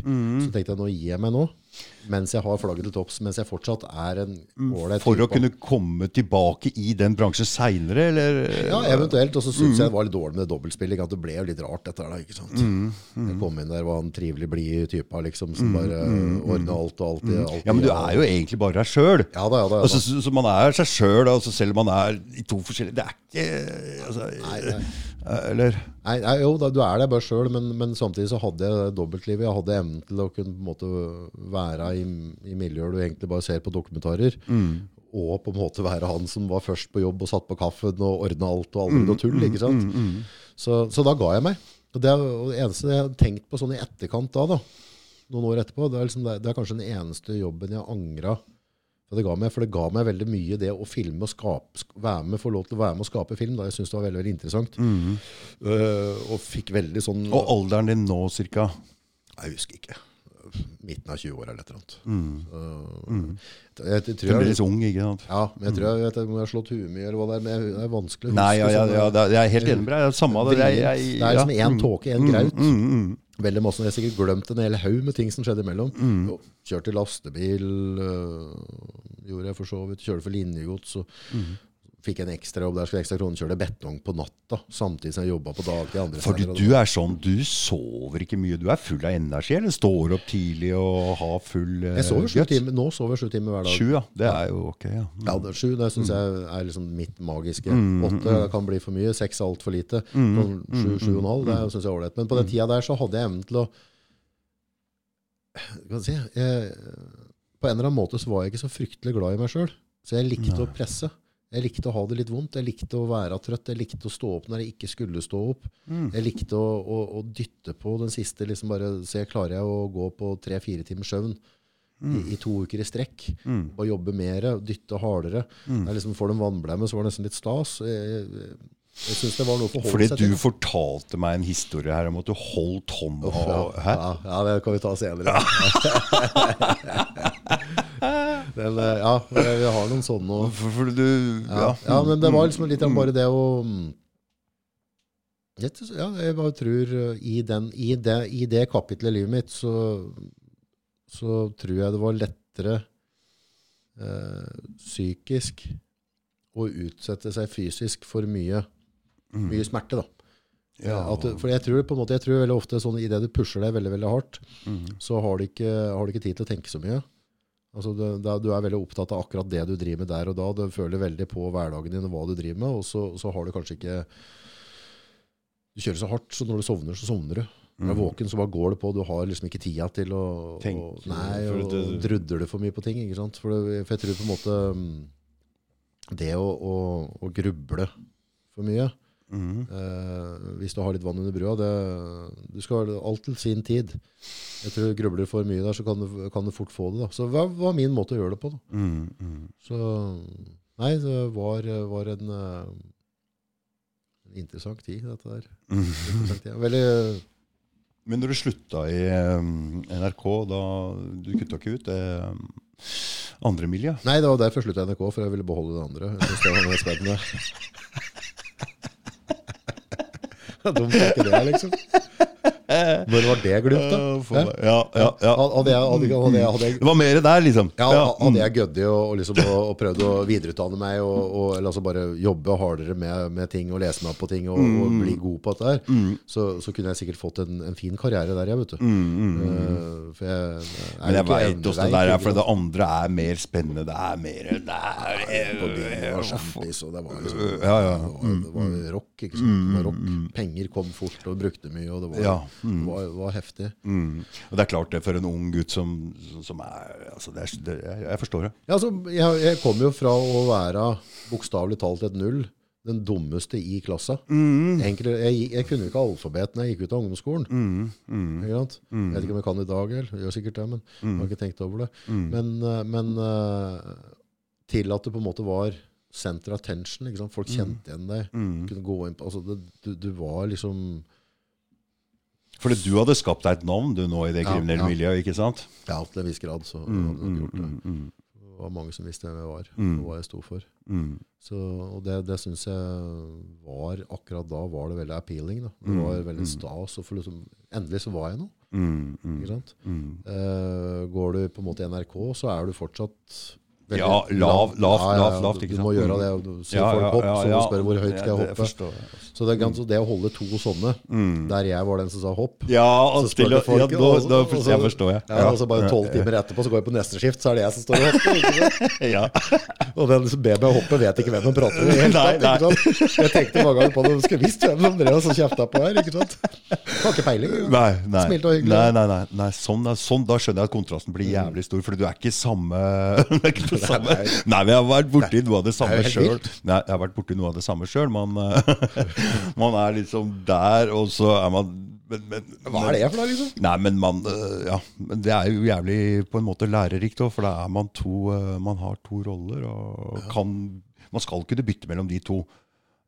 Ja. og kunne lede og, og, og bli leda, på en måte. Jeg- Ja, jeg, jeg, tror- jeg, tror det, at, det, at det er en god lærepenge, og det kan være sunt. Mm. Men, men jeg anbefaler ikke folk å leve livet ut sånn. Altså, du, du, må, du, må, du må finne hylla di, Mm, og så være på et eller annet. Da. Og så så jeg på en måte etter hvert òg at um, det ender jo opp i, i lange fengselsdommer, eller at du på en måte ikke våkner opp en dag. Eller, ja. det er, altså En actionfilm, da. du, det ser vet- kult ut på actionfilm, men det er jævla mye på baksida av medaljen. Dette det er, det, du kommer til en viss periode hvor du har vært der, så, så snur, snur liksom stemninga i det Det blir for mye alvor. Det blir for mye ting du har gjort. Det blir for mye Du begynner å involvere deg mer og mer og mer, ikke sant? Og så blir det til slutt så blir det er ikke så moro lenger. Det er mer Det blir arbeid. Ja. Og, mm, Men, men baksida er grisedyr, liksom. Altså det, du går og ser deg over skuldra hele tida. Det er liksom telefoner, tekstmelding altså du, du må hele tida passe på. da. mm, Eh, Så du går egentlig på vakt hele tida. Du, du legger merke til fotspor i snøen utafor Mm. for leiligheta di. Er det, kjenner igjen de støvla der? Du, legger, altså, du legger merke til sto den bilen er parkert sånn ja, for det, det er ikke bare politi òg, det er fiender i Nei, jeg syns ikke det var så mye av det. Det, det var jo hendt at, at gikk en kule varmt der òg. At det var på en måte Mm. forskjellige typer grupperinger som ikke var enige. Men, eh, men du måtte jo helt ha passe deg. Mm, Det blir den der leken politi og røver. da. mm, mm, Så du måtte på en måte holde deg eh, holde tunga rett i munnen der. mm. For du ser jo det, og det har du sett òg, at hvis folk begynner å bli sluskete i den jobben der, Mm. så er det ikke lenge før det ryker. Nei, nei, Nei. nei, det er ikke. Hvem du har med å gjøre, hva du legger av. Må passe på alt mulig. Hele tida. Så det blir veldig sånn eh, Det blir et avansert liv, da. Mm, så det var eh, Jeg tror det, var på tide å gå videre og bryte ut, da. mm. Ja. Det gikk egentlig veldig fint. Altså sånn, eh, det ble ikke noe, mange tror liksom at du kommer aldri ut av miljøet og sånne ting. Men eh, det syns jeg var egentlig ganske greit. Jeg reiste vel ned og, og jobba et år i, Asia, i Thailand. Mm. Det var- Jobba, ja. ja. Mm. Så det var litt sånn brekkstang òg, for det, selv om jeg flytta liksom nordover, eller også opp til Innlandet igjen, da, Mm. så hadde jeg fortsatt uh, kamerater jeg brydde meg om inne i byen. og sånne ting. Mm. innimellom fikk du telefon. Mm. Si at nå, nå er det krise inne her, kan du komme her? Du må, jeg må ha med noen gutter. Mm. Nå må vi eh, ut og ordne et eller annet. Vi må samles eller et eller annet. Mm, mm. Eh, og jeg var fortsatt skrudd sammen sånn, jeg sa ikke nei. Nei, nei. Altså, for jeg vet de gutta stilte opp for meg òg, så jeg måtte stille opp andre veien òg. Mm. og da tenkte jeg liksom, skal jeg noen gang komme meg For det, det skjedde ved flere anledninger. på en måte, Bare kaste meg i bilen. Slapp det jeg hadde i hånda, kaste meg i bilen og dundra inn til byen. Mm. Uh, og før jeg visste ordet av det, så var jeg involvert i et eller annet som kunne gi deg ganske lange straffer. Mm. Uh, uten at det egentlig var jeg som hadde satt meg inn i det, eller tjent noe penger på det, eller noen ting. Men det var bare på en måte det er jo litt sånn, ikke sant? Ja, Vi sånn. klør hverandre litt på ryggen og passer litt på hverandre. Mm. Så da tok jeg et år der nede. Mm. Hva er det du dro ned som Visste du du skulle ned og jobbe, eller? Nei, altså det begynte vel bare egentlig med at jeg var, hadde lyst til å reise et sted, tror jeg. Så jeg bare tok en bag. Mm. Så reiste jeg en tur til England, og så, og så var jeg besøkt noen der. Og så fant jeg ut at uh, prøv å dra til Bangkok. Mm. Så dra til Bangkok, og så møtte jeg, møtte jeg en danske og en engelskmann, tror jeg, på flyet, som satt ved sida av meg. Mm. Så du dro aleine? Ja, ja. Uten noe, uten noe mål, egentlig? Uten liten noe... bag, liten Mm. bag, hadde med noen kroner, og så bare reiste jeg. Og så, og så sier jeg gutta så bare, ja, hvor er det du skal være? Nei, jeg vet ikke egentlig. Vi bare får finne ut jeg kommer på flyplassen her da. Aldri vært i Asia. Bli med oss, da. Ja, så sier jeg, 'bli med, dra til Pattaya. Ja. Så da delte jeg taxi med dem. Mm. Så havnet på Pattaya, og så slapp de bare av meg en gate der, og så så jeg et hotell, så gikk jeg inn der. Mm. Og der ble jeg pokker meg fire måneder. Mm. Men da må du fornye noe greier. Og... Ja, reise over til Kambodsja og noe greier, så får du stempla noe greier, får noe visumstyr da. Det var første gang du var i Thailand, eller? Var første gang. Da var det fire måneder. Eh, og det gikk jo akkurat uh, Dette vet jo du òg. Sånn det når du har vært i et miljø. Så det, det er en eller annen sånn stank du gir fra deg, så du møter folk. Så det gikk jo faktisk ikke mer enn to uker. Så møtte jeg en som heter Jonathan.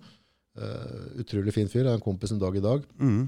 Som da hadde på en måte rømt fra Irland igjen og bodde der nede og drev med sine typer businesser. Litt sånn lyssky, kanskje. Det var jo ikke helt legalt. Det Mm. Ja, For du sa han var IRA, Ja, ja, han øh, vokste opp i den tida der, så han, Mm. han hadde bakgrunnen sin derifra.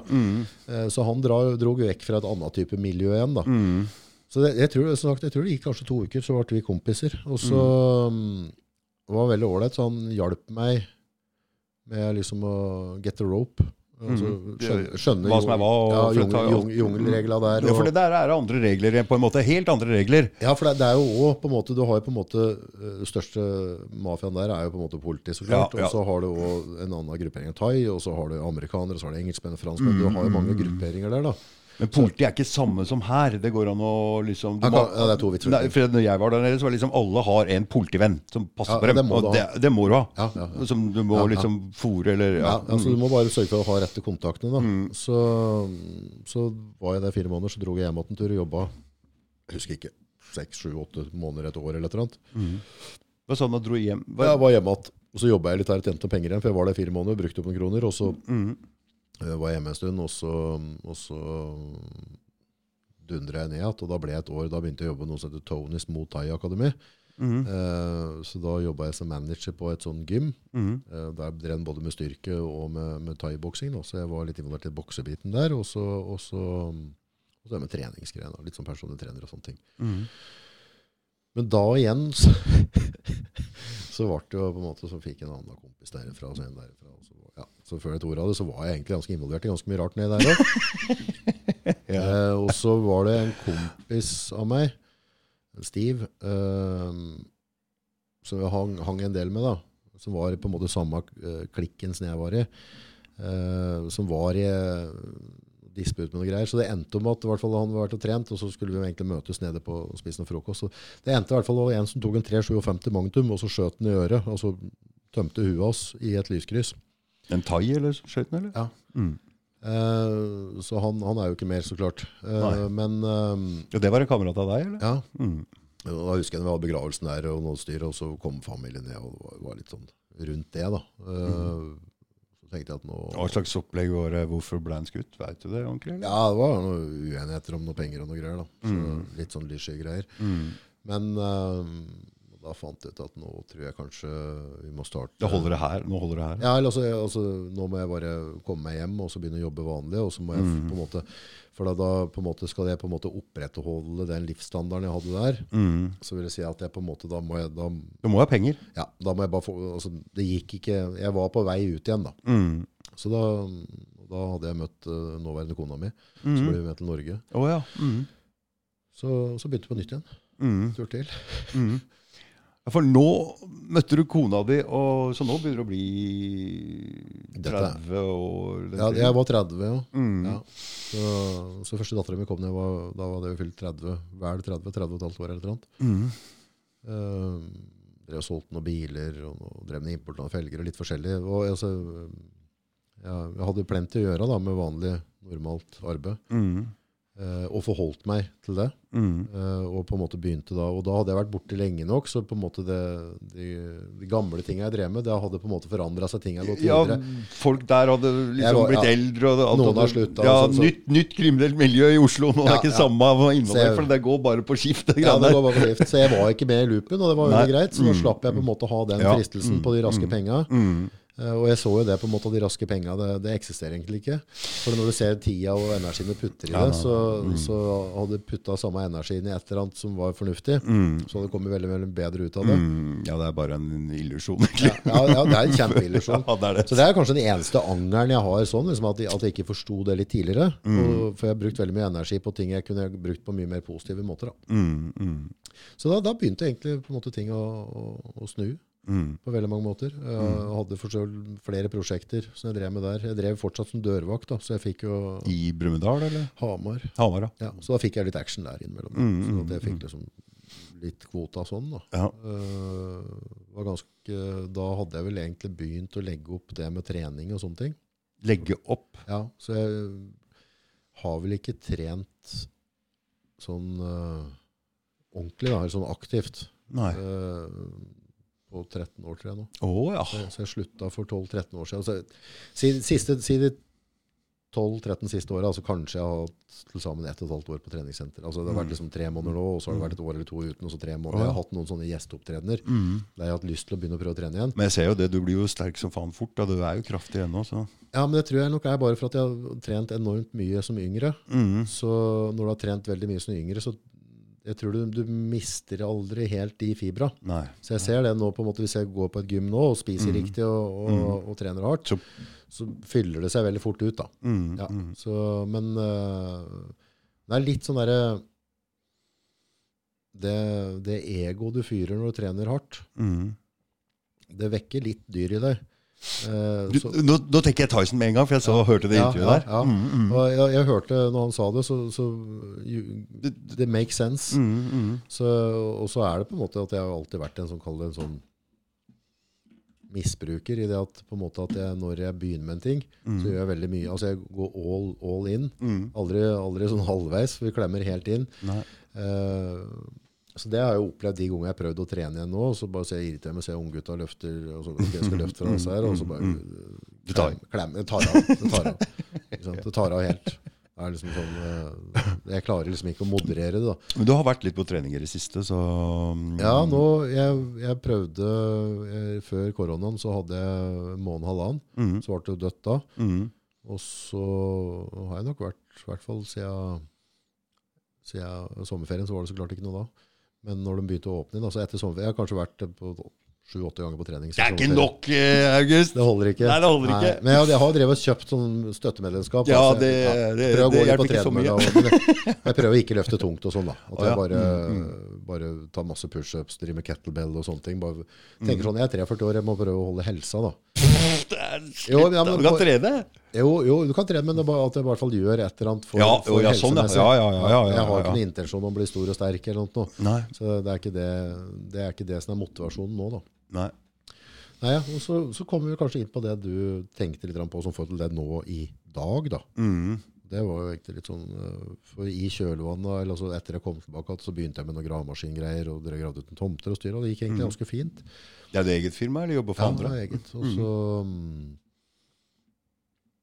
Og så kunne du ikke glemme det med å lage film. Nei, det var, det var egentlig ikke det. Nei. Det, var, eh, det som skjedde, var vel at eh, på, jeg lurer på siste året eller to, eller et eller annet, så jeg drev med graving, så gjorde jeg Jeg hadde veldig mye gravd vann og kloakk, drenering i støttemurer, drev mye sånn mm. for privatpersoner. Mm. Hadde jeg julemaskin, en Liebherr julemaskin. Mhm. Uh, jobba masse, Uh, tjente fortsatt gode penger på det. Og så, og så endte jeg vel opp med at jeg leide meg ut til både Isaksen og NCC.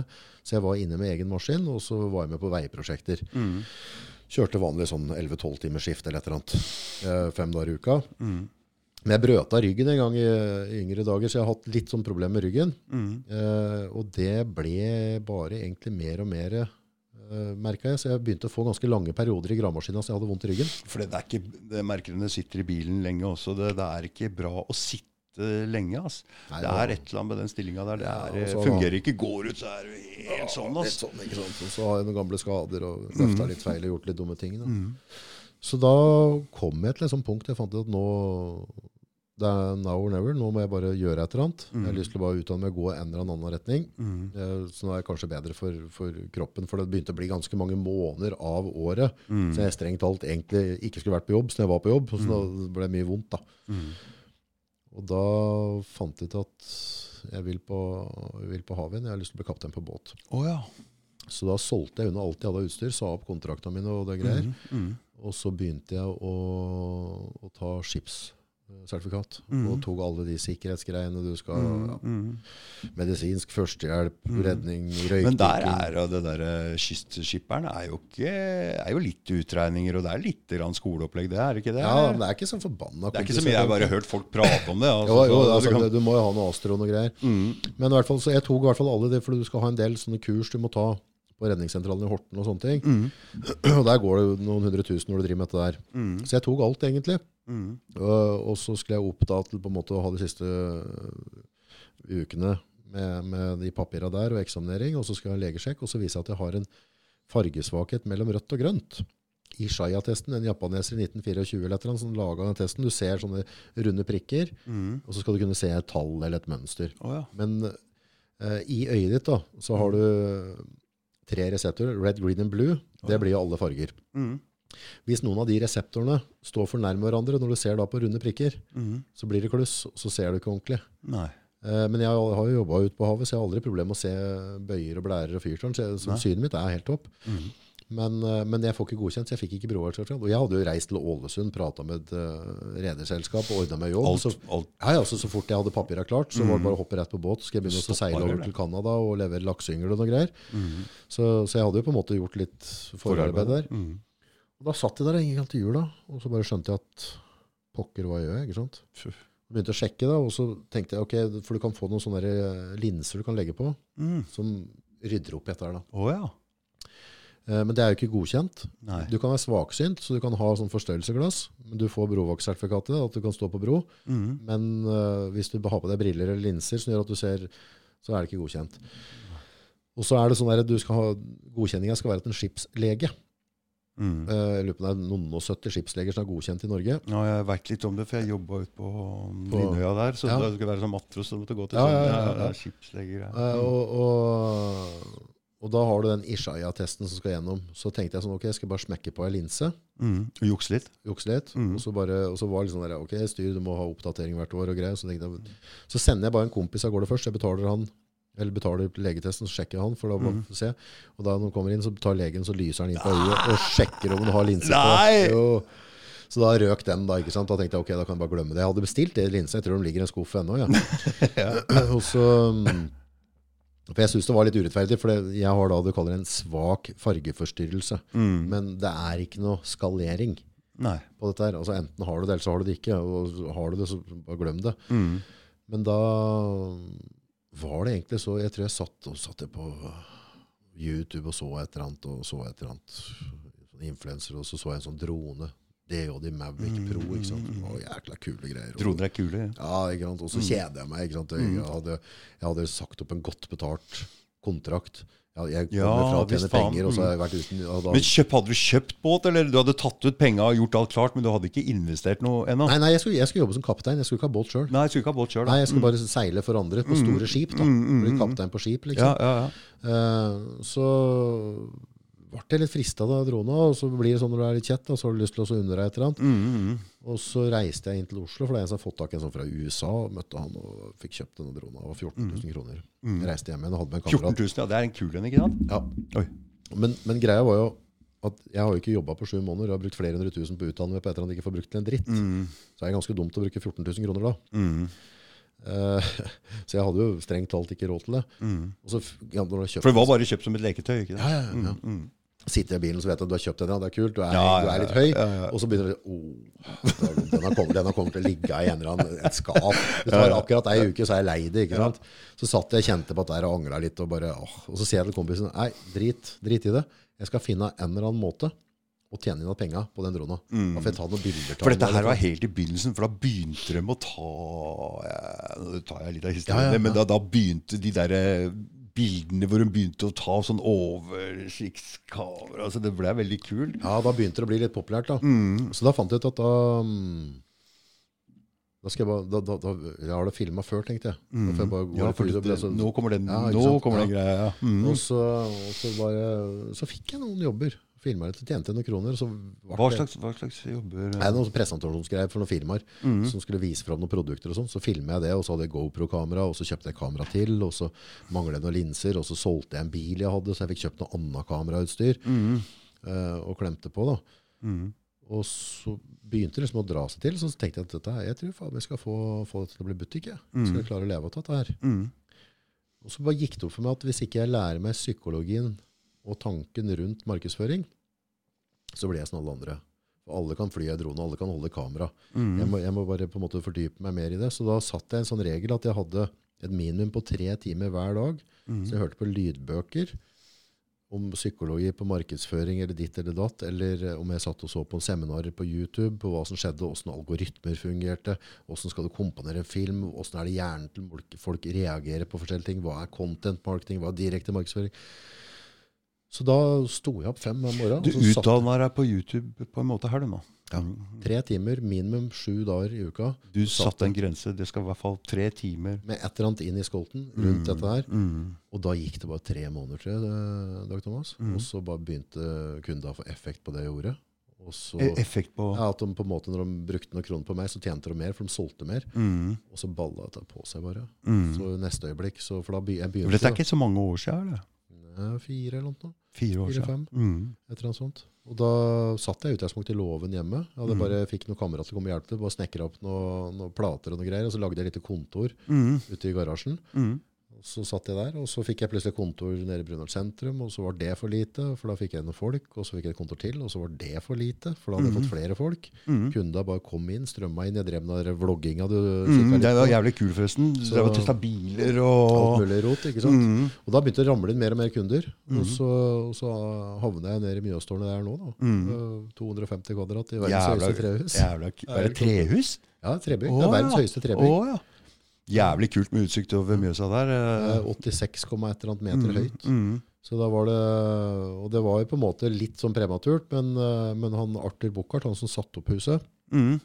han eh, var jævlig real med meg. Mm. Det har han også vært nå, for vi har hatt det spesielt i koronaen nå. Mm. Så uten AB Invest og, og en Arthur, så hadde jeg ikke vært der jeg var nå i dag. Nei, for det, det blei en liten Ja, det vært karamell i tøft. korona her, ikke sant? Ja, det hadde vært tøft. Så, men men han, han, la veldig, han har virkelig lagt godkjenning til og hatt trua på meg hele veien. Og, og syntes det er kult det vi har drevet med. Mm. Og gitt meg gode, gode betingelser. Har han vært inne som podkastgjest, eller? han? Ja, ja, Ja, han har det. Mm, for dette er en rik eiendomsfigur, eller hva er han der er- Buchardt, eh, egentlig? Arthur Buchardt. Altså jeg tror han, begy øh, han begynte på kaia med å vaske biler. oh. Som kom inn og, og drev som rørlegger og kjøpte opp noen rørleggerselskap. Mm. Så det er en, en eiendomsgigant. eller, Altså han er Ja, veldig veldig mm. dyktig på eiendom og bygge store bygg, fine bygg, Mm. leilighetsbygg. Mm. Uh, så sånn der, hvis skal, det er så vanskelig å måle suksess. Eh, det jeg syns kanskje er suksessen til eh, Arthur, bortsett fra at, at han sikkert er milliardær eller et eller annet. Mm. Altså Han har jo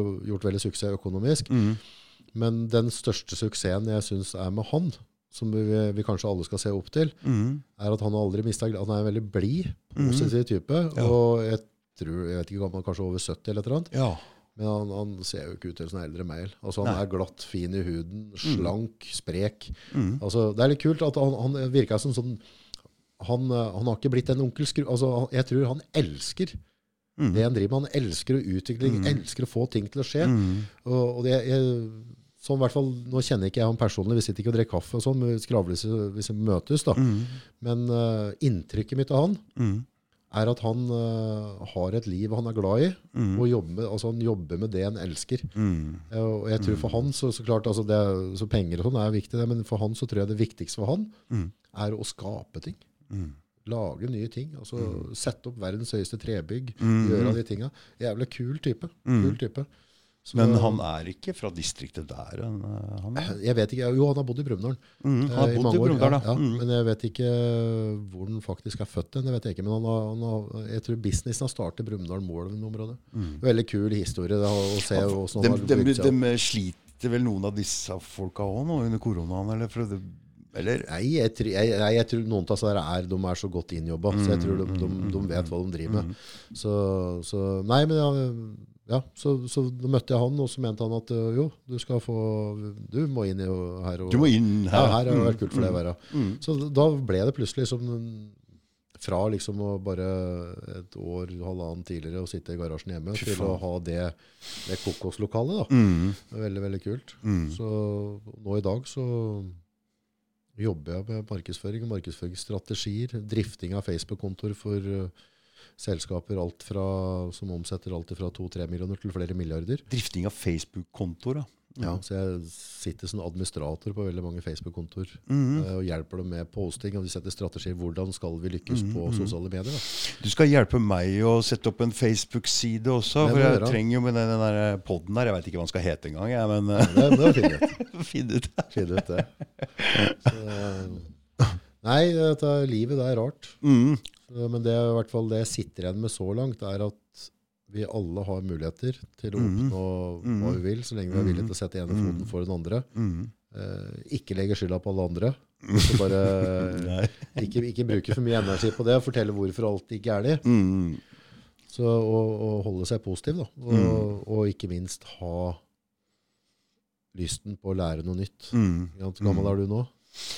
55. 55, ikke sant? Men jeg er hypp på å lære nye ting for det. altså. Faen, jeg møter folk på fritida, da, har noe interessant å si på Facebook Bare kom og ha en kaffekopp med meg, bare for å For jeg syns du skriver masse interessant på Facebook. Jeg har bare lyst til å høre Snakke med smarte folk, da. Er ikke det deilig? Jo, jeg liker det, ass.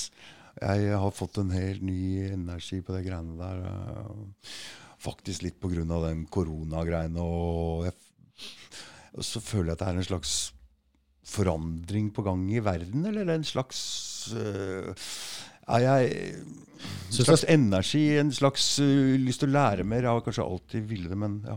Det er jo litt sånn der, den, eh, den podkasten jeg har òg. nummer én så er det som du sier, det er utrolig gøy å få lov til å møte mennesker. Mm. Uh, og jeg kan på en måte, så jeg har podkast med deg, så får jeg dine syn, kan jeg lære noe ut av deg. Mm. Det er veldig kult. Mm. Men den ytringsfriheten og den frie presse, Mm.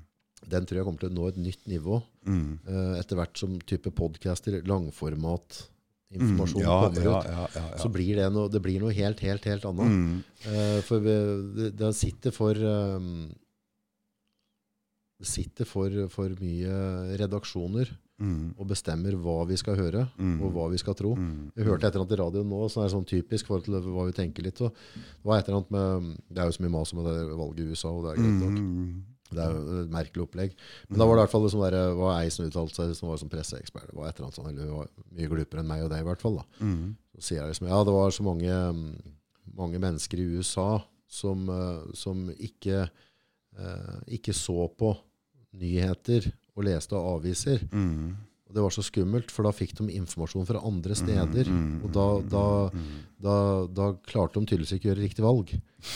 Hvis ikke hører på CNBC. og Fox, er du altså, morsom, eller? Nei, nei, nå er det så jævlig tydelig, det Den propagandaen, f.eks.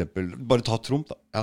Den propagandaen som er mot Trump, den, den blir for massiv. Så det har skapt en hel haug med folk som ser at dette her er jo Det er rein og skjær eh, Ja, det er løgn. Mye Det er, ja, det er løgn. Og det er, Så det er sikkert noe riktig innimellom, det hjelper ikke. Men, men i- det du bruker ordet propaganda mm, ja, det er det det er. Det er propaganda. Var det, var det, var det så drev med under krigen? Ja, det var propaganda. Mm, Ja.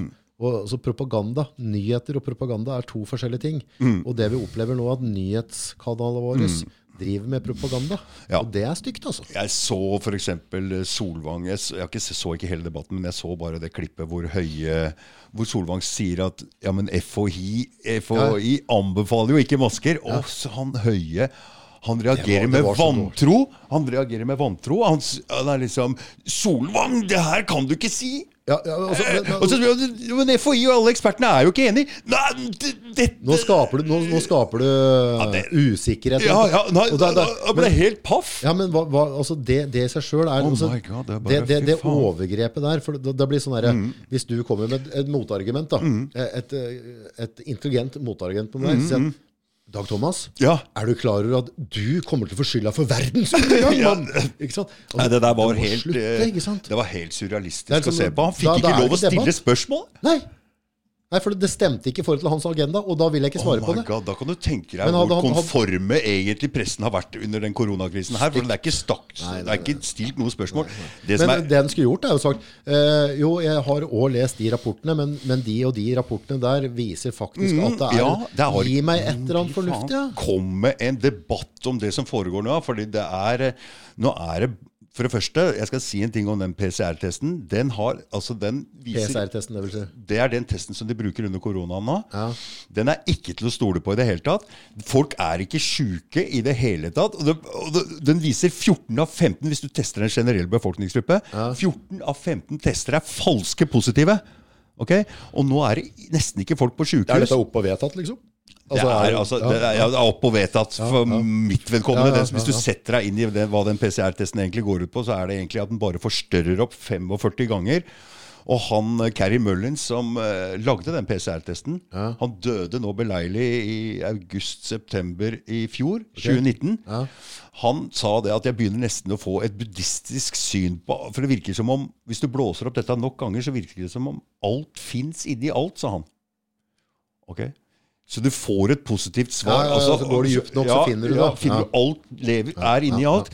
Så uh, han sa det kan ikke brukes til det formålet der i det hele tatt. Og, fordi det er på førsten så Jeg var jo litt imot koronaen hele tida, men da var det liksom ja, ja, men greia er sånn vi skal bare dempe det så det ikke blir overbelastning på sjukehusa. Og, og, og, ok, greit, den skjønner jeg.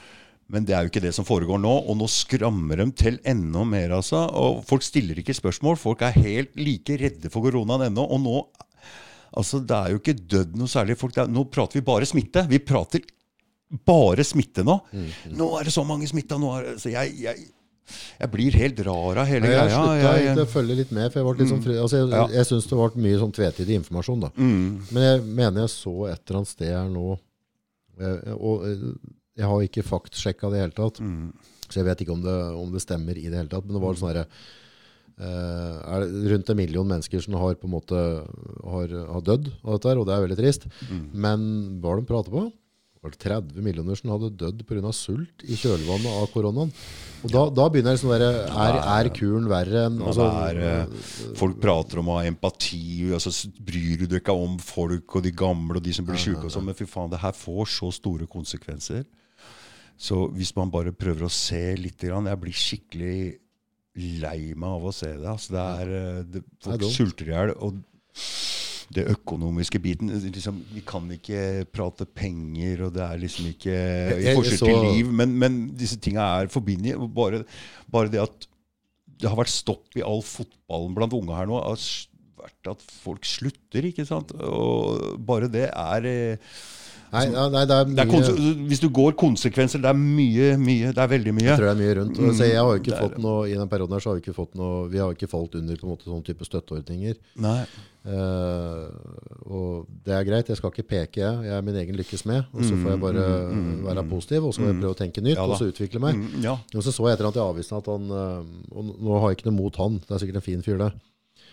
Kurt Nilsen, altså var det 14 millioner man har fått i støtte? Og så tenker jeg bare Mm. Kurt Nilsen, altså kultur, Nei, han, ja, som synger, ja. Ja, hvorfor skal han få 14 millioner i Eller i støtte? hvert fall, ja, så var det, det var, var i hvert fall det selskapet han var med i, som Petter Stordalen og han andre Idol-dommeren, en eller annen fyr. Ja, ja. Da blir det sånn der, ok, men er dette Viktig.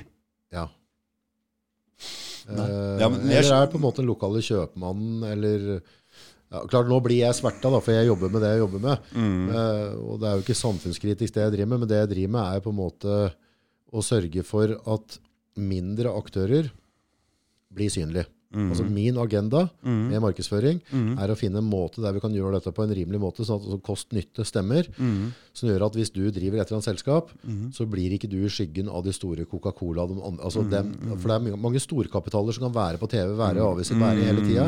Som gjør at de lokale hjørnestedene, altså rørleggere, entreprenører altså Det blir vanskeligere for dem å rekruttere. Det blir vanskeligere for dem å komme ut. For at du har de storgiganta som står liksom og får alt lys på seg. Og min oppgave er å bruke min kunnskap og hjelpe små og mellomstore, og, og for så vidt noen store selskaper òg. Men, men, men da tenker jeg liksom jeg, jeg ser jo mye av de folka jeg ser ute ellers, som har hatt ganske utfordrende tider nå. Og så bare skal det en sånn syngasong få 14 mil, liksom. Mm. Men det er jo, Det er sant? det er jo altså De sliter jo, det er ikke noen konserter. Det er jo ikke De får ikke gjort en dritt av det greiene de driver med. Nei, men øh, de, jeg, jeg, jeg vet ikke hvor blakke de er, da. Nei, nei, nei. Og, Men det du sier, det at du får fram de små, det er jævlig viktig. For det som foregår nå, inne i byen her De restaurantene sliter så jævlig, så leiepriser Nei, og så er komme seg Ja, de er ferdig. de er ferdig nå hvis du stenger ned nå. Ja. Oslo by uh, er allerede litt dødt pga. det går ikke an å kjøre der. Altså, det er jævlig stille inne i Oslo der. Så boligpriser og leielokaler og alt sånt kommer til å gå ned noe jævlig verdi. Og så kommer det inn noen store og kjøper opp. Så det kommer til å bare være store Ja, det er greier. det survival of fittest nå. Men det, det jeg tror sånn er, en ting er det økonomiske, hvis du tenker restauranter og sånne ting, da, og reisebransjen og den biten der. Det er jo samme som vi har opplevd nå. Og jeg sutter ikke, jeg har valgt dette sjøl. Men at det har vært et veldig veldig spesielt år nå, det har det vært. Men på en eller annen måte så nå ser jeg liksom at nå, er det, nå begynner det å løsne litt, det begynner å koke litt igjen. Så Men, men jeg, så, du veit at nå er det nye, så- nye restriksjoner så- og lockdown igjen. Så klarer jeg da på en måte hente energi. Og så det, jeg, ok, jeg skal nå bare tygge jeg sammen tennene, og så skal jeg jobbe enda lengre dager. Kjøre enda mer. Jeg skal stå opp tidligere, skal jobbe lengre. Jeg skal jobbe hver lørdag, jeg skal jobbe hver søndag. Jeg lover deg, jeg skal legge ned alt jeg kan, for Ja, nå skal jeg virkelig gjøre det. Overlever her nå, ja. Og så har jeg gjort dette i hele sommer Mm. og i vår. Mm. Og så begynner jeg liksom å få, få litt smaken Mm. på, på at nå, nå, nå er det faktisk lys i tunnelen, og det er ikke toget. Og så kommer Erna og sier at det blir ny runde, min venn. Og jeg gir meg ikke. Tro Nei, meg, jeg har sett nok. Jeg gir meg ikke. Nei, nei, nei. Men jeg har en vanvittig empati for de servitører, dem som driver utesteder, som har smilt og Mm. gjort så godt de kunne. Skilt bord, spritvaska ting, jobba ekstra og stått på. Mm. Hvis du drar dem litt til i hallen nå, ved et eller annet tidspunkt, så kommer de til å sette seg ned, og så bare begynner de å grine. Og si at nå, jeg klarer ikke mer. Mm. Og det skjer i andre land jævlig tydelig. Ja, for jeg tror folk, du kan dytte altså, Med negativitet da, så kan du dytte folk lenge til et visst punkt, og til slutt så, så mister du Mister du mister motivasjonen. Du, mm. altså, det, det, blir, det blir for tøft. Fan, du, jeg spilte av en melding jeg hadde fått Ja, herfra. ja, ja. Du hørte hvor doomsday han var med det greiene her. Men det vil alltid være doomsday-folk. Jeg, Ja, ja da. ikke, jeg er ikke, jeg er ikke nei, så nei, doomsday. Altså. Nei, nei. Men, Men, eh, han fyren her har satt seg i det. Men det er klart det er en vinkling på det, det der. Men uh, jeg, jeg, jeg tror, og jeg vet, at vi, vi kommer oss gjennom det. Ja og da, verden, ja da. verden Ja, kommer til ja, å komme seg ja, igjen. Men at verden kommer til å skiftes. Men verden er ikke lik Nei, nå som var i 1940. Nei, nei, Man er ikke lik som var i 1840. Nei. Så, så eventer kommer til å gjøre det. Men, Mm. men uh, myndighetene, eh, politikerne våre, som får lønna De må, de, altså, de må være må- mer åpne om det som foregår her nå. De, eh, den Ja. hemmeligholdelsen av eh, ja, Du kan, du kan ikke drive på sånn som han som sier at hvis nei, du kommer med et spørsmål, nei, nei, så bare angriper han deg. Det, det, det, det godtar jeg ikke. Det- han, må, han må svare intelligent på en god måte, sånn at jeg får en forståelse. Ikke bare si Mm. at hvis du sier dette der, så skaper du frykt. altså, Ikke svare på ikke Nei, nei, nei, verste Det- måte det- jeg har hørt Det en- syns jeg Ja, det var helt Ja, nå i 2020 syns jeg vi kan gjøre bedre enn det. Mm.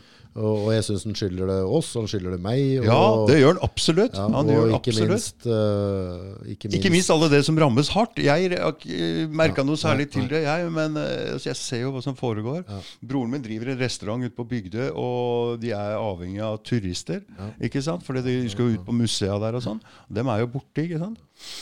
Så mm, det har vært øh, nekta ølservering. Altså, det er jo mest sommergreie også. Nå kommer vinteren. Altså, det er øh, De kjører jo ned, selvfølgelig altså, De overlever kanskje, men Ja. Nei, det er en rar tid. Men jeg, jeg, jeg tror at på etter en krise så, så blir det en ny en ny boom. Ja, ja, Mm. jeg tror, ja, ja, det vil alltid bli en opptur. Altså, verden går ikke under nå. Mm. Vi skal klare dette, folkens, og vi skal klare å komme gjennom det. Ja, ja, ja. Når jeg har klart å, når jeg har klart å, å åla meg fram, dit jeg har klart å åle meg fram nå gjennom hele livet, og Mm. selv om jeg har gjort mye dumme ting og gjort det vanskelig for meg sjøl opp igjennom, Mm. så skal vi klare dette her òg. Mm. Ja. Mm. Dette, dette skal vi klare sammen, men vi må være greie med hverandre, og så må vi være positive. Mm. Og så må vi være villige til å legge ned litt mer timer.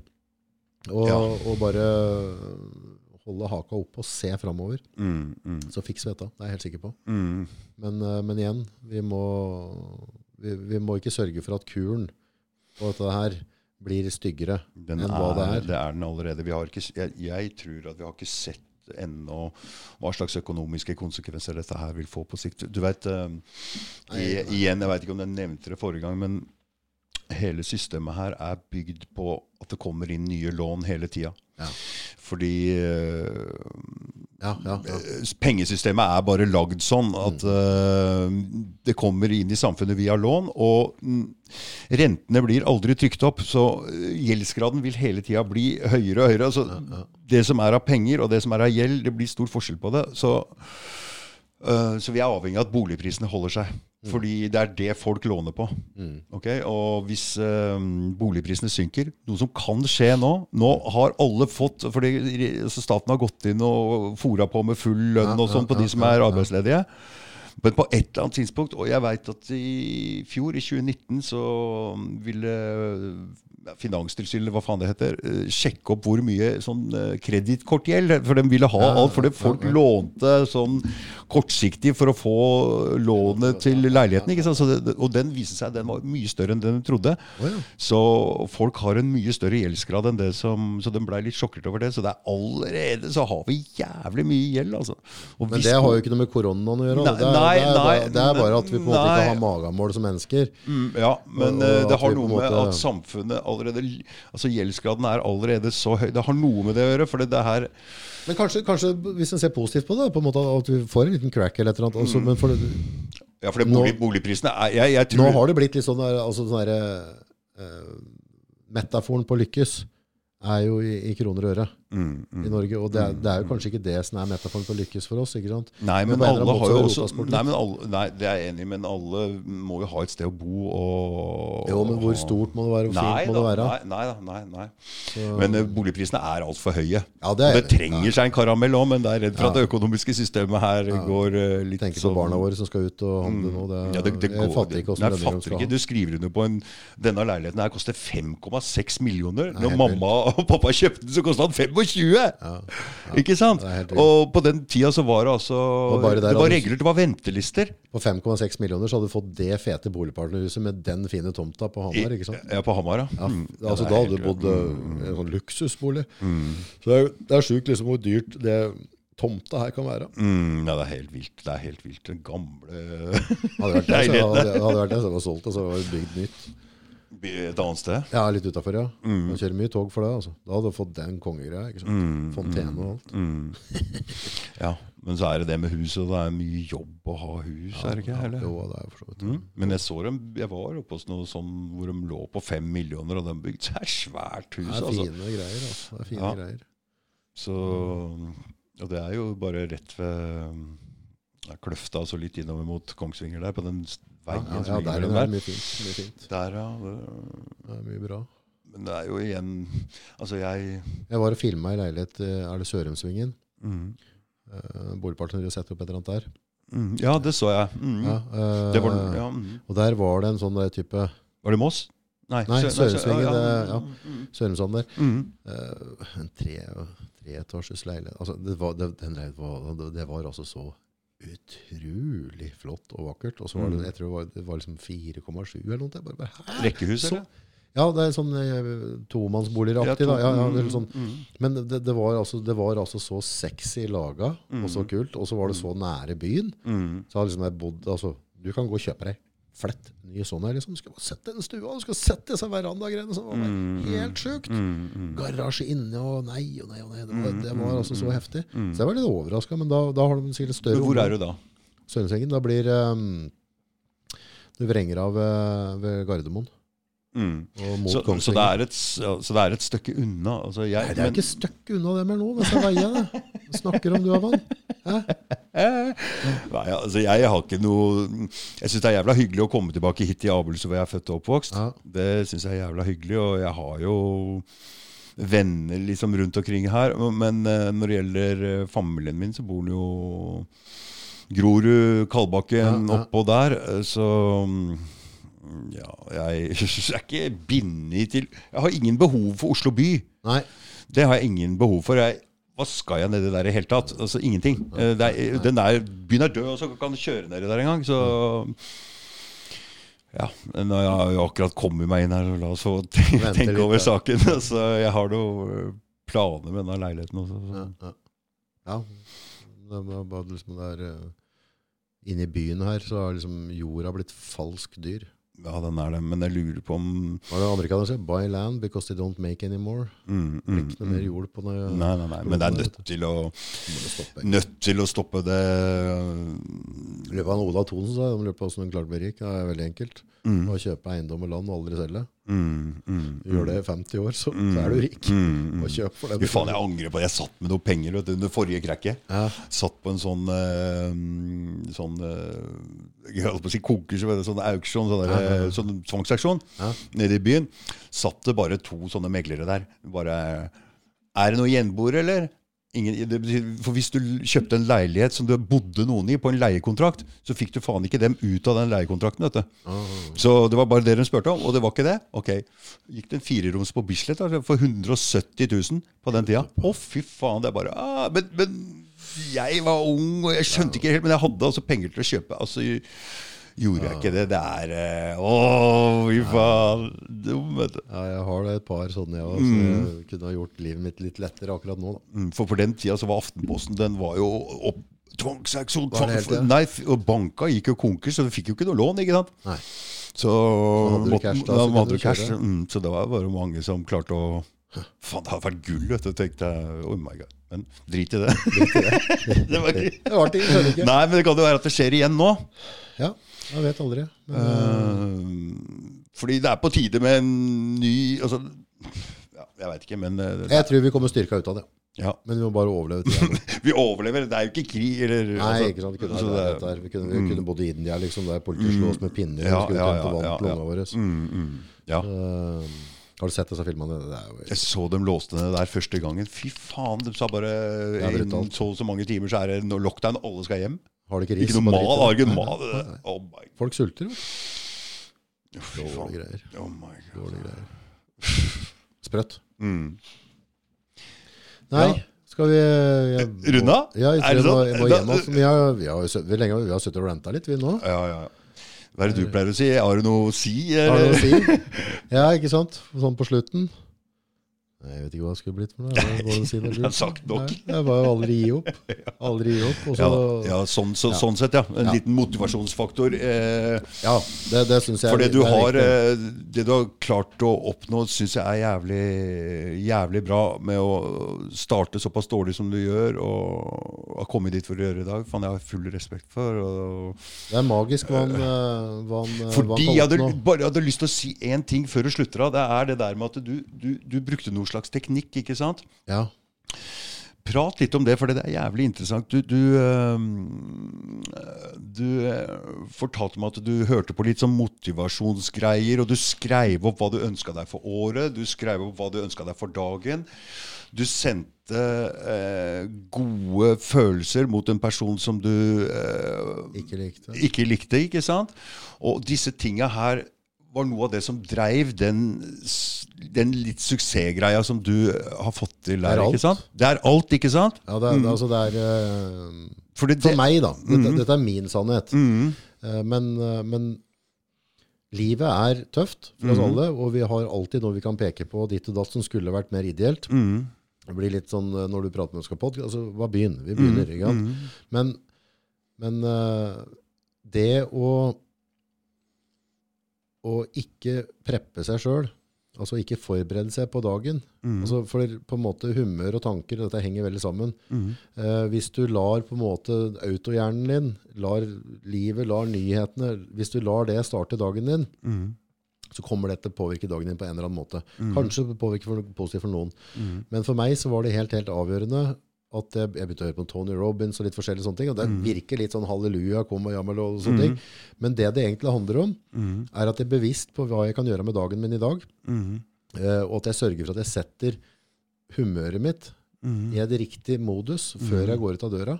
Så bare, bare begynne med å lytte til et eller annet som er positivt, et eller annet sånt, ha litt av en dagbok, minne deg på måla dine, for du glemmer innimellom så roter vi oss bort. Minn deg, hva, hva, hva er målet mitt? Jo, målet mitt i løpet av neste år Så at Jeg driver jo med podkast, så målet mitt er at jeg på en måte ønsker å uh, kunne påvirke folk i en positiv retning med de gjestene jeg får inn, uh, i enda større grad enn vi gjør nå i dag. Men da, da, da må jeg ikke glemme det, men da må jeg tenke som, hva kan jeg gjøre nå i dag for at de skal nå det målet om et år eller to? Og det trenger ikke være en stor ting. Nei. Nei, Det kan være at jeg kommer inn og så sitter og skravler litt med deg, eller det kan være at jeg ser en YouTube-greie, eller leser på et eller annet. Det kan være ganske enkle ting, men hvis du gjør én ting, hvis du gjør én ting hver morgen Som er positiv. mot målet ditt, så vil du bli veldig veldig overraska hvor det er om tre måneder, seks måneder, tolv måneder. Da skjer det veldig veldig mye. Men ikke la følelsene, humøret ditt, diktere dagen din. For bare sett en riktig stemningsleie inni kroppen din. At jeg er god nok. Dette er bra nok for meg. Jeg er takknemlig for at jeg har det. Jeg er takknemlig for at jeg har det. Jeg er takknemlig for helsa mi. Og så må vi bli kvitt hat. Jeg har hatt mye sinne og hat i kroppen min opp igjennom.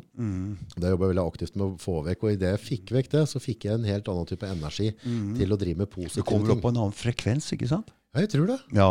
Jeg tror det. På, For det følelsesmessige inni seg, det er noe man må jobbe litt med. Det er viktigere enn det vi tror. Å ja, ja, helt Å gå rundt med en sånn følelse eller sånn følelse av- Vi må ha bort alle de negative Ja. følelsene, ikke sant? Vi, vi, har, vi er jo veldig sånn selvdoutere eller selvhatere. På, Mm. altså sånne her, hvis du skal begynne, så kan du si at du, ja, si nå du skal kjøre podkast. Ja, ja, ja, ja, og så plutselig ja. så er du på høyden, og mm, neste øyeblikk Ja. så bare Å, nei, Ja, jeg, jeg jeg få til mista dette her? helt trua her i Ja, ja, går og i Får hva ikke til er kamera, lys er for dårlig, og er ditt og datt. Og så, så er vi der. Ikke? Ja, men jeg tvilte, på meg sjøl, men først og fremst. Altså, det var uh...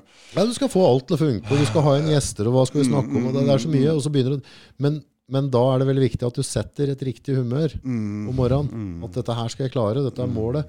Om det ikke blir akkurat sånn jeg tenkte nå i dag, så er det altså det er sånn, Hva vi sier til unga liksom, altså, som ikke klarer å gå første gangen? Så bare, dette kan du bare gi opp. Du, du klarte ikke å gå første gangen, du. Nei, du får bare sitte der. Men her er tåteflaska her, ikke sant? Du klarte ikke å sykle første gangen. Nei, nei da, da kom, du kommer aldri til å bli en sykler. Det er bare tullprat. Men det er jo ikke ofte, det er, det er ikke alltid andre folk sier det til deg, men tankene dine spiller et puss med deg. Og de tankene må vi ta tak i, og så må vi fylle hodet vårt med positive ting om morgenen. Mm, og det tror jeg er viktig å si positive ting til andre også, fordi ehm, jeg har jo vært borti pers- personer som har fått høre en negativ ting, og det, den forfølger dem altså Resten av livet. resten av livet, og, og, og går og tror at de er sånn eller sånn eller sånn. Jeg kan ikke oppnå det eller det. Derfor så er det Det blir det du tenker. Mm, Det blir det du tenker. Og hvis det er sånn at bare et ord, kanskje ikke sagt med veldig tyngde, kan drive og uh, ord fra andre kan drive og påvirke seg negativt, det er jævlig viktig Altså, man men, mental, mental helse, eller men, mental framdrift, altså starte en podkast ditt og datt, styr og stell. Mm. Alt det du skal drive med, det har en, en slags oppskrift. Det er mange forskjellige typer oppskrifter. Okay. Men, men hvis vi nå skal si at vi skal lage Du og jeg går opp, og så skal vi lage um, kanelboller. Mm. Og så leser jeg ikke oppskrifta. Mm. Blir det egentlig? Ikke sant? Nei, jeg tror det blir ganske dårlig. Jeg, jeg vet at, uh, at uh, blandingsforholdet med sukker og gjær og kanel og, så- altså, det kommer til å gå dundas. ikke sant? Mm. Hvis vi setter oss på et skip, Arnold Schwarzenegger sa det. Altså hvis, du, hvis du seiler ut fra en havn og du skal over til et annet kontinent, og du ikke stikker ut en kurs, Mm. åssen forventer du? Altså, du kommer til å bare drifte håpløst rundt. Du må sette ut en kurs, og det har vi alle Mm. lik mulighet til å gjøre hver morgen. Mm. Og så har du noe å si med deg sjøl litt mentalt. For hvis du legger og så slumrer litt lenge, Mm. si at du tenker nei, det syns jeg er godt, jeg har lyst til å sove litt lenge jeg nå. Mm. Så allerede da så har du sagt til deg sjøl at den dagen her er ikke så jævla viktig. Å ikke ja, jeg gjør det ofte, ass. Ja, men ofte så, så føler jeg da da, da har jeg mista litt respekten for meg sjøl allerede. Å ja. For hvis jeg vet at den dagen her er viktig for meg, Mm. så må jeg opp. Mm. Altså Dagen starter, og skal jeg, skal, jeg begynne, skal jeg begynne etter du har løpt en time? Mm. Og tror jeg skal ta det igjen på den dagen, eller skal jeg, skal jeg være den som tjuvstarter? Da tar jeg den tjuvstarten. Men vi må sette en kurs, og alt har en oppskrift. Og din oppskrift trenger ikke være samme som min. Men det er en oppskrift der, og det du kan gjøre er at du kan høre på andre podcaster, du kan høre på andre mennesker, du kan høre på Arnold Schwarzenegger, du kan høre på Tony Robin. Men det er mange mennesker du kan plukke, men jeg tror du får plukka nok elementer ut til at du skaper din oppskrift på hvordan du skal gjøre det. Men å tro at vi kan leve livet Ja, for jeg har ikke noe mål sånn langsiktig, skjønner du. Jeg har ikke klart å tenke sånn. Jeg har aldri klart å tenke sånn. Nei, altså Noen trenger kanskje ikke det, men jeg tror det er jo sunt at du har et sånn derre Ja, men, Si altså, at du har en målsetting at jeg ønsker at, uh, at jeg har så og så mange tusen følgere, eller så og så mye visninger. jeg blir så teit, syns jeg. Jeg, Syns du det? jeg. Jeg har ikke noe sånn Hvorfor er det teit? Jeg, jeg veit ikke. Jeg syns det er flaut å tenke sånn. Eller? Flaut? Nei, jeg, jeg veit ikke. Ja, jeg ja, vet det, ikke er jo, det er jo ingen andre som hører tanken din. Nei, nei, nei, Det er jo ditt mål. Det er Ja. din bok. Det er ingen andre som skal lese den boka. Dette er ditt. Ja, ja. Du må jo ha, ja da. du må jo ha på en måte Det er jo sånn nye ting skjer. da. Mm. Så Nei, jeg tror eh, Og det, det har jeg jo sett i den uh, pod-greien jeg driver med. Så, så på en eller annen måte så uh, har jeg vært fryktelig heldig med at jeg har fått mye sånn koselige tilbakemeldinger. Mm. Der jeg har hatt gjester inne Mm. som har vært veldig fornuftige og ålreite mennesker. Mm. Og kommet med tips og råd i en eller annen retning. Mm. Så har det vært med og gjort en forandring av den andre. Og så Ja, får, jeg, ja. får jeg den tilbakemeldinga. Mm. Du, vær klar at den poden du lagde der og der, så hørte på den og den, det har faktisk forandra livet mitt. Jeg hadde en her bare for noen år siden som bare til at jeg har et annet liv etterpå. Å ja. Mm. Det er Hvor bra er ikke det? Jo, jo, jo. Og det eneste jeg trenger å gjøre, er å gjøre det jeg liker, og ha et mål for det. Mm. Uh, og hvis jeg da kan på en måte ha et mål om at jeg ønsker å nå mer mennesker med det, Mm. få inn gode mennesker i studio Ja, ja, Det er en pen ja, ting, det, ja, altså. ja, Det er ikke stygt gjort, Nei, det. er ikke stygt gjort, det. Nei, jeg blander sammen, jeg. Jeg blander sammen min og liksom at det er Ja, kjøl... ego, ja, ja, ja, ego skal vi nok passe oss litt for, og det har vi alle. Mm, mm, mm. Og, det, og vi alle har jo på en måte Nei, for det, tanken min bak den podkasten her er jo egentlig også å gjøre noe bra, eller få til noe som kan hjelpe noen, eller Ja, men det, det, det, jeg tror det som, det som eh, gjør at du liksom ikke tør å tenke de måla Hvis jeg ser på Hvis jeg ser på Petter Stordalen, da, legger ut Mm, ting på, mm. på Instagram, mm, så, så har jeg opplevd det og så tenkt sånn Nei, han har litt blitt too much for meg. Det blir, Mm. det blir, for, mye, det blir for mye energi. Altså, liksom, altså, han, han tar for mye plass. Han er for voldsom. Så tenker jeg litt, Hvorfor tenker jeg dette, August? Hva tenker jeg her? Jo, for at jeg har akkurat samme sida i meg Mm. som han har. mm. Og den sida der er jeg litt redd for. Ja. Jeg, har, altså, jeg vet at jeg tar for mye plass i et rom. Jeg vet at jeg prater for mye. Mm, Eh, jeg vet at jeg er for oppslukt i ting. Mm. Og så når jeg på en måte ser han, så Mm. egentlig er kanskje det samme som meg, men mm, bare kanskje enda mer energi, da, mm. så blir jeg liksom litt sånn der, Å, nei, ikke sant? Jeg vil ikke være av den, ikke sant? Nei. Men, eh, men eh, så jeg tror ofte hvis du ser, hvis du ser andre da, som på en måte har sånne sider, så, så kjenner han den sida litt i deg. da. Mm. Så føler du litt på det. Mm. Nei, nå banker det på her. Skal vi bare avslutte, da? Det, Da gir vi oss. Ja. Tusen takk. Ja, det var jævlig hyggelig. Veldig Takk. æra å få lov til å være den første på Det Ja, er det jeg som er æra. Synes det var veldig stas å få lov til å komme inn. Gæren. Det blir bra. Slutt å prate tull, da, gutt. Ja, det var jævlig hyggelig. Takk skal du ha.